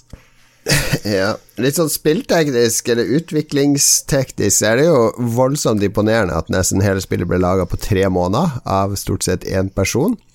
Uh, jeg leste litt, og grunnen til at det har så blokkig pikselert grafikk, er at da trenger han ikke å bruke mye tid på å lage detaljert grafikk, men kan fokusere på å bare få opplevelsen til å flyte. Uh, så det er en del smarte designvalg han har gjort uh, underveis. Ja, absolutt. Det var det Mattis Folkestad sa om uh, en bracelet. At det var mm. fullstendig Vi har fått uh, litt, litt uh, lytterinnspill òg. Vi skal avslutte med de. Torbjørn Skau uh, takker for tips om koselig spill med digge mekanikker og morsomme vendinger. Og han sier at det var et fint avbrekk fra Crusader Kings 3, som er langt mer komplisert, som er det spillet han holder på med for tida. Mens uh, Boyce-mannen, hans uh, inntrykk er at uh, meditasjon i et spill, et visuelt uttrykk som roer ned, får han til å roe seg ned. Enkelt å sette seg inn i, få glitcha. En annen type verden enn han er vant til. Det at man sjøl legger i hvor mye av øya man er på, man ønsker å finne ut av, syns han var en fin løsning. For du, du, kan jo fokusere veldig på å komme deg opp på den toppen, eller så kan du utforske i eget tempo. Han likte humoren, de små sånne her, eh, hullene mellom eh, i den fjerde veggen, altså mellom spillet sin verden og vår verden. Eh, Musikken er fin, endrer seg hvor du er, og han uh, lander på en eh, seks av ti. Vi trenger ikke å gi karakter i spillklubben, skal vi egentlig gjøre det? det skal, vi, skal, vi, være så pretensiøse og intellektuelle at vi holder oss unna karakterer her? Ja, det syns jeg. Ja. Og jeg har lyst til å nevne, før vi, eh, før vi avslutter med noe annet lytterbidrag, at jeg, jeg, fullførte spillet nå rett før sending, bare fordi jeg hadde lyst til å komme meg til toppen, og det tok jo to minutter når jeg først hadde mm. utforska resten av brettet. Um, og jeg blei litt tatt litt på senga av den slutten, for ja, poenget er at du skal komme deg til toppen av fjellet for å gjøre en mobilsamtale. Ja, ja, som du nevnte i starten, at det er liksom så teit å kose seg på ferie. Men når du først kommer til toppen og får tatt den samtalen Jeg vet ikke om dette treffer meg litt ekstra. Jeg hadde eh, Moren min døde av kreft da jeg var tolv, og det er liksom sykehus og den greia der. Og den telefonsamtalen du skal ta, er jo til moren din, som er inne for å ta en eller annen operasjon, og du har lyst til å være der for henne, og hun savner deg, og plutselig så var det litt sånn Å ja, ok, det hadde noe for seg egentlig likevel, og så får du den kjempeflotte sveve, eh, sveverunden ned for å liksom avslutte spillet. Veldig fint og koselig punktum. Mm. Ja, for det påpenger jo Boisemann at det som skjedde når du kommer på toppen av fjellet, bryter litt med mm. hvordan historien starter, og at man bruker så lang tid på å komme seg på toppen fordi man har så mye distraksjoner underveis. Og det, jeg føler det er litt Det er ikke min tolking i det hele tatt, for jeg føler at jeg er mer hvis jeg ligger på sykehus, så vil jeg jo at mine barn skal ha det bra og gjøre fine ting, og ikke gå hele dagen og tenke på meg, eller hvordan det går med meg. Så jeg tror, jeg tror det er litt sånn Ja, kanskje hvor du er i livet, hvordan du tolker den slutten. Mm. Jeg fikk litt inntrykk av nettopp det du sier i dialogen til moren også. Eh, du var veldig fornøyd med at eh, Claire hadde klatret til toppen endelig, og så mimra litt over gamle dager og sånn. Og ja, nei, det, ja. jeg syns det var koselig. Kjempebra. Hvis noen eh, klager på spoiler nå, dere har hatt en uke på å spille dette lille spillet. Det er ikke lov å klage på spoilers. Eh, vi skal la eh, min gode venn Carl Thomas, tidligere redaktør i Game Rector, han sendte også inn et lydbidrag for å avslutte. Men før det så må du, Lars, skal velge spillet til neste gang. Oi, oi. Vi skal spille Paradise Killer, et, et et detektivspill som har fått utrolig mye skryt, som jeg ikke har spilt uh, og ikke lest så mye om. Det kom til PC og Nintendo Switch, og kan det stemme at det kom uh, seint i 2020? Kanskje det? Ja. ja. ja.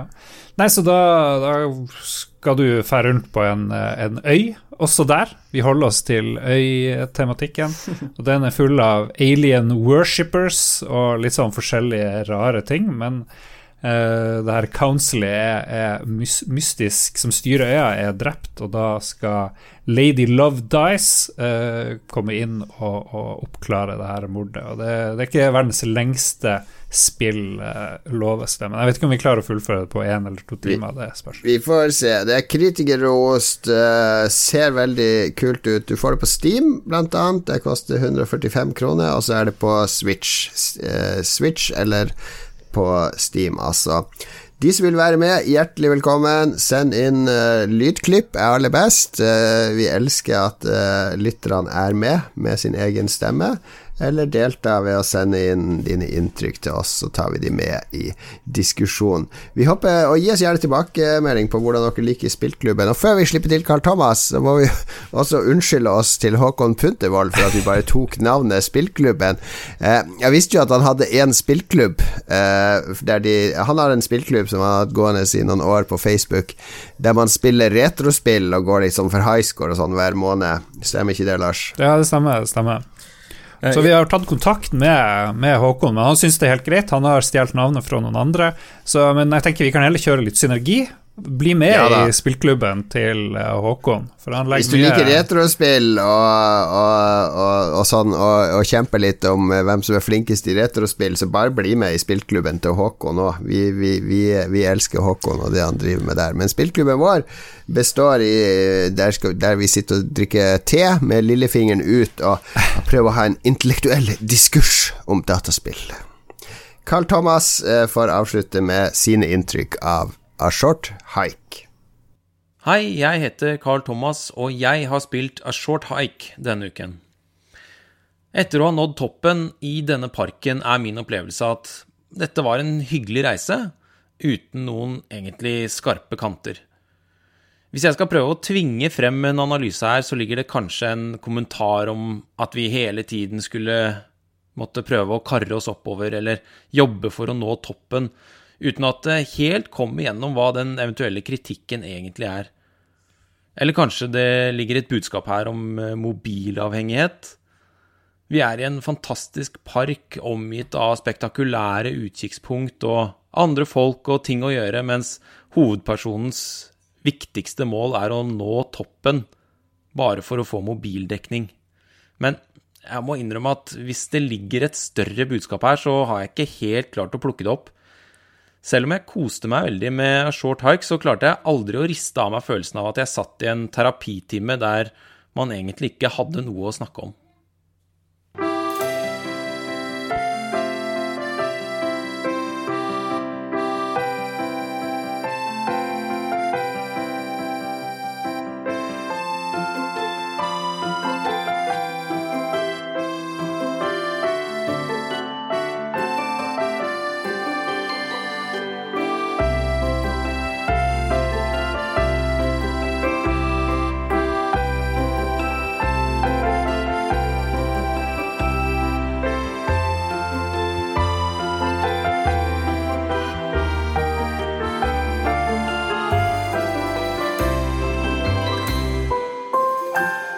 Da har vi kommet til anbefalingsspalten.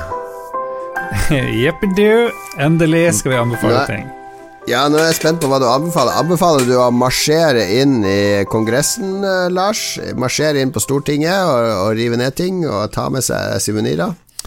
Ja, det handler jo litt om det der, da. Men jeg, jeg, jeg tenker at vi må forstå hverandre. Vi må finne ut hva er det som, som skjer utafor vår boble, og en perfekt måte å gjøre det på er å finne et av de her stedene hvor de som var inne på Kongressen og gjorde rare ting, samles. Det er bl.a. thedonald.win, som ble vel oppretta, eller ble ekstra populært etter at alle trumpere ble kasta ut av Reddit. Nå finnes det ingen eh, Donald Trump-gruppe der. Den siste ble forsvant i helga, eller før helga. Og det er jo fordi folk driver og snakker om vold, snakker om å gjøre ulovlige ting. Og det som et av de få stedene som eksisterer igjen, er det her donald.win, som er Det er ganske Det, det flommer over av sinnssyke, for meg, ting. Eh, Det snakkes veldig mye om pedofile. Det er jo liksom en greie. Det her Pizzagate det var vel eh, den første store greia hvor man fikk høre at de som tror at Clinton og Obama og de som styrer eliten, de, driver, de er aktive pedofile. De driver og prøvde å dele, men det ble sletta bilder av Joe Biden eller Hunter Biden med noe barn. Skulle være noe overgrep. Eh, De ble sletta ganske fort, for de er livredd for at hele den The Donald.win skal legges ned hvis de bryter for mye regler for hva som er lov. Og det er jo 90% av det her er oppspinn, og, men det er på en måte litt underholdende, på en måte litt trist, men så er det òg litt lurt å finne ut hva er det som skjer uh, utafor din egen boble, og det får du her. Er det, er det her litt som uh, hegnar.no var i Norge, når det var fritt frem på forumet der? Det vil jeg tro. Det her er, det her er 100% crazy, men, men, men skal vi ignorere de tingene? Bør vi ikke vite hva som skjer på den andre sida? Eller vi skal jo ikke dele verden i to, men i hvert fall på Men, den sida. du anbefaler dette. Hva er det du får ut av? Blir du glad? Inspirert av å gå inn og se på Nei, men jeg blir jo lurere. Jeg får jo mer innsikt Ja, okay, i hva, okay. Hva de mener. Og kan da kanskje, hvis jeg skulle havne i debatt med noen, så vet jeg hvor, hvor de kommer fra, på et vis. Jeg eh, skjønner hva Lars, hvor Lars kommer fra her. Jeg er ikke enig, liksom. Fordi at The Donald Lottovin liksom, det er ikke konstruktivt nok til å få noe ordentlig ut av. Men jeg er veldig enig i ideen om at noen ganger så må man liksom følge litt med på Trump for å ha et inntrykk av, av hva det er egentlig han prøver å stå for, hvilk, hva er det han driver og kommuniserer, er han bare gal, eller er han bare dum, etc., etc. Jeg, jeg, jeg ser den greia der. Jeg liker å diskutere med folk som tror på disse tingene, så det er nyttig å vite hva de tror på. Eh, men The Donald Dottwin er jo bare et clusterfuck av misinformasjon og memes og sånne ting. Eh, nå ser jeg også Det er en del tråder jeg gikk inn og titta nå. Nå er det en del tråder som har dukket opp sånn Oh, breaking! Trump supporters banned from buying cups and strings. Fordi det nå liksom Nå får ikke konservative lov til å kommunisere lenger, så nå får du ikke engang lov til det. Og Trump supporters banned from buying buying pigeons i tilfelle de skal bruke de til å kommunisere med hverandre. Altså, det er liksom Jeg vet ikke Det er mye kødding der. Det er jo bare en videreføring av 4chan, egentlig. Altså, det er jo fullt av sånn Vi som har vokst opp på rotten.com og denne internettkulturen som bare går ut på å drite på alt mulig Jeg aner jo ikke hvor mange på denne sida som bare er der for å kødde, og hvor mange som er seriøse. Jeg vet ikke hva dette skal vise meg i det hele tatt. Nei, jeg vet ikke, jeg kan ikke si noe mer enn det jeg allerede har sagt. Det er jo, som, det er jo lurt å vite hva folk tror på. ja, Men er dette folk, og er dette det de tror på? Vet du det? Det er jo 100% anonymt, det her forumet. Men det ja. jeg vet, er jo at det nevnes veldig ofte i sammenheng med at nå har de ingen plattform, så da må de samles et eller annet sted, og det her er et av de større stedene hvor det skjer.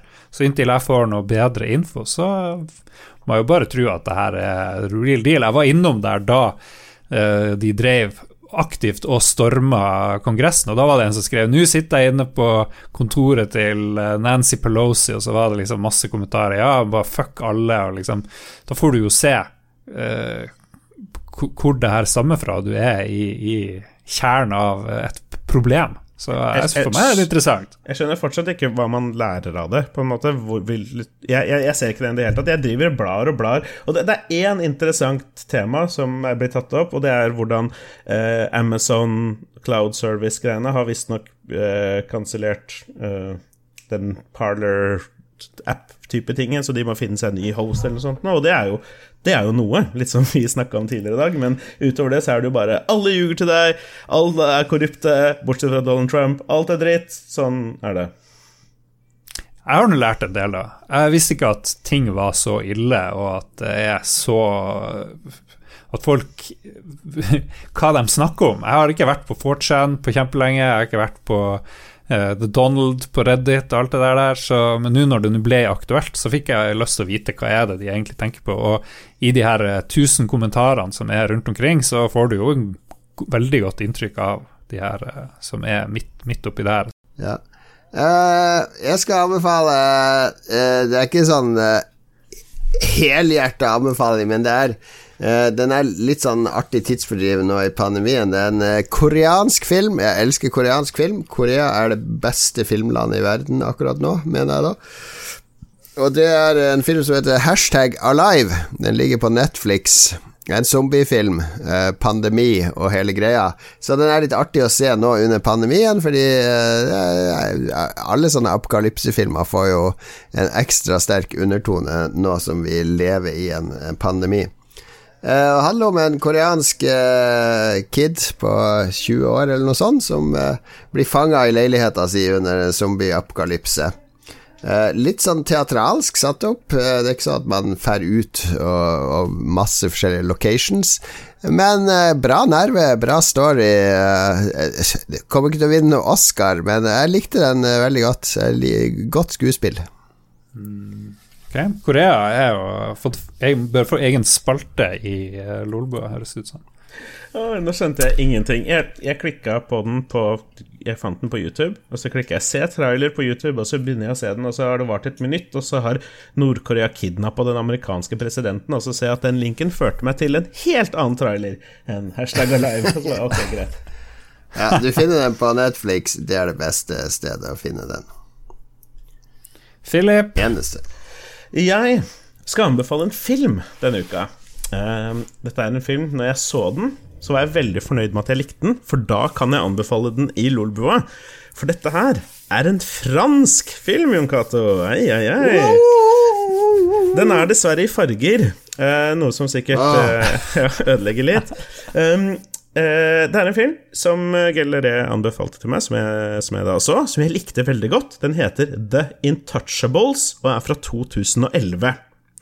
Ja, jeg leste Untouchables, jeg bare lurte på om det var Sean Connery og Nei, tenkte Kevin Costner. Jeg trodde det var den hun mente først, men nei, dette er The, the Intouchables. Og det som gjør denne filmen enda mer aktuell, er at det har kommet en ny utgave av denne filmen med han Kevin Hart og han Breaking Bad-fyren, hvor de har gjenspilt Jeg har lagd en amerikansk utgave igjen da, av denne filmen.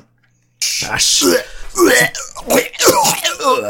Så den har jeg selvfølgelig ikke sett. Men jeg har sett originalen, The Intouchables fra 2011. Fransk film.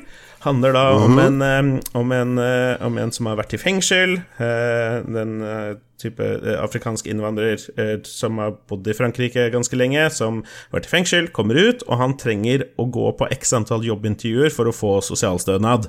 Eh, Et av jobbintervjuene han går på, er til en gammel mann som er lam fra nakken og ned.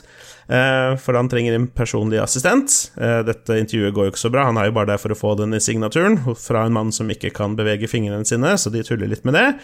Og han eh, ender da selvfølgelig opp med å få denne jobben, og så utvikler det seg kjempegodt og veldig koselig forhold mellom denne mannen som er lam, som lærer seg igjen å leve litt via denne unge, unge, unge mannen som er litt mer eh, Tar litt sjanser og liker å oppleve litt mer eventyr og, og, og sånne ting. Så det var en eh, veldig koselig, veldig ålreit film.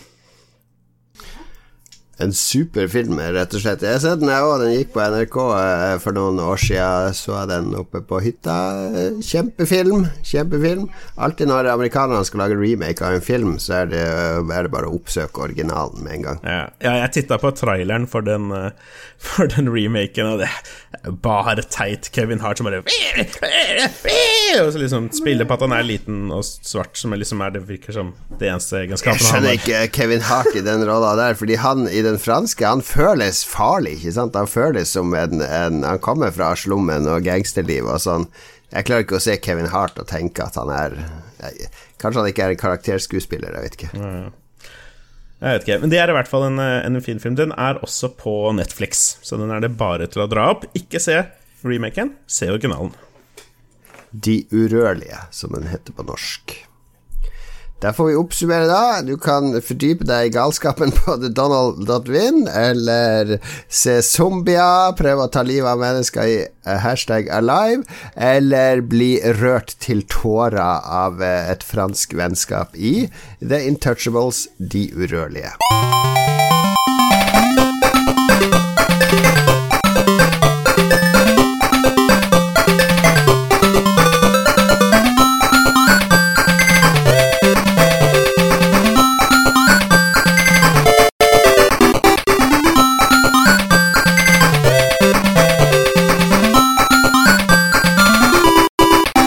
Da er vi ved veis ende. Vi har bare eh, lytterspalten i gang. Det var ikke så mye respons denne gangen. Sånn er det når jeg sender ut melding en halvtime før og kommer med et vanskelig spørsmål.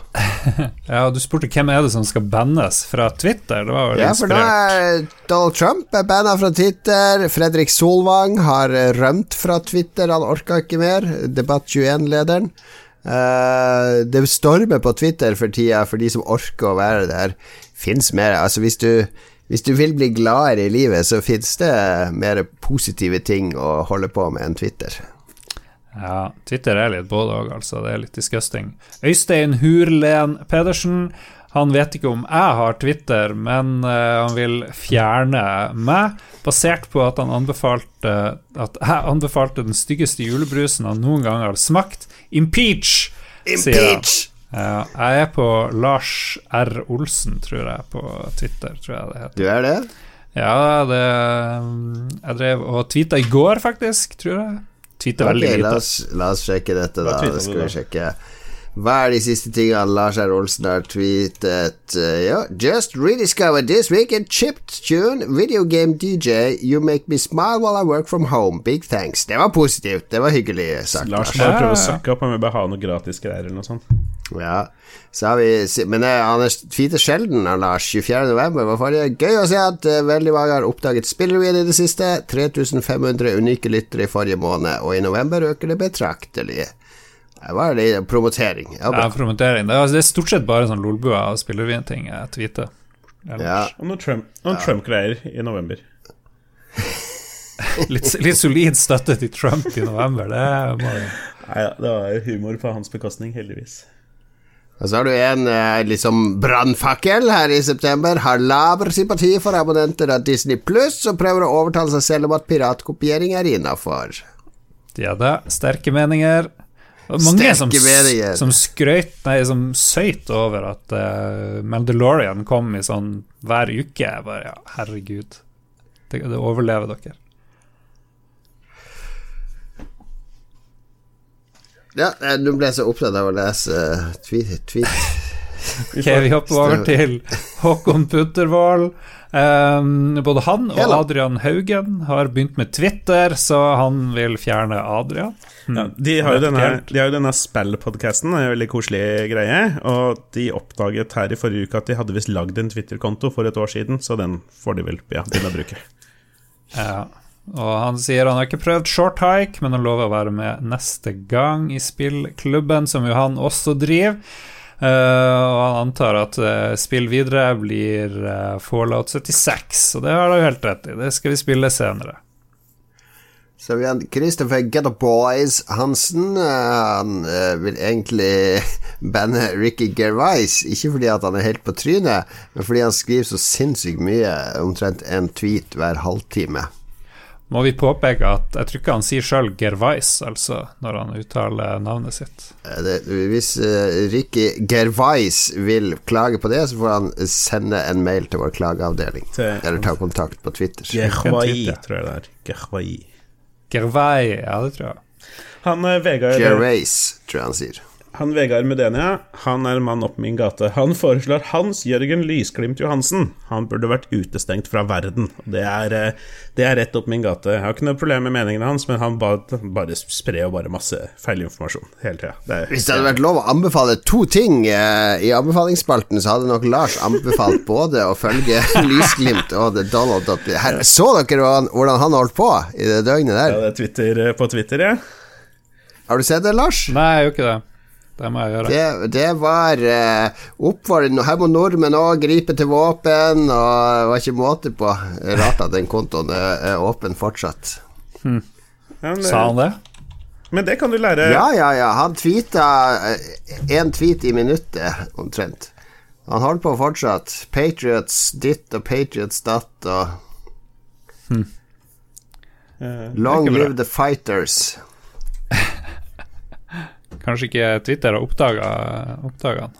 The system, the liberal madmen have planned this all out for four years, but we still have ten days to wake up and take massive action.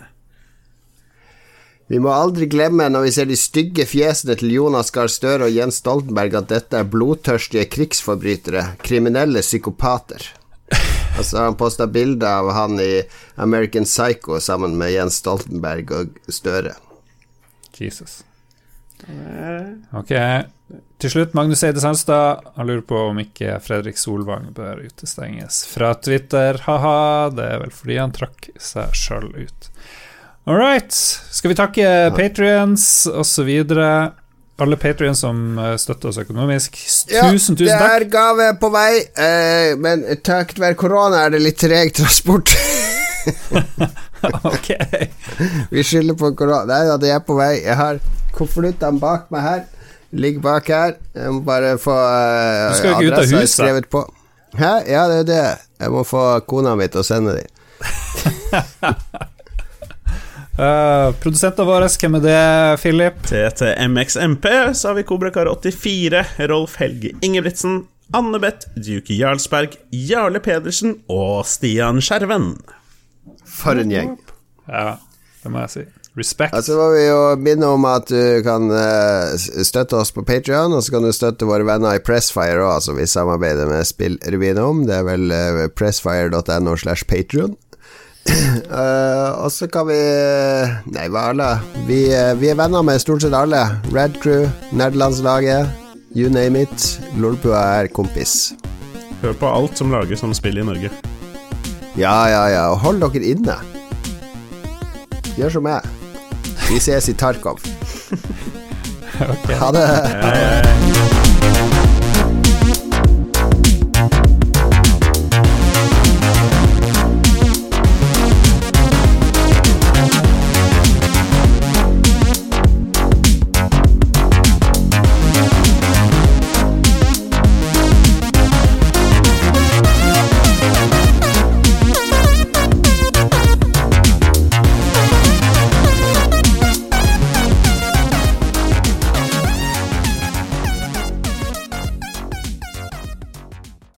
Har du et enkeltpersonforetak eller en liten bedrift? Da er du sikkert lei av å høre meg snakke om hvor enkelt det er med kvitteringer og bilag i fiken, så vi eh, gir oss her, vi.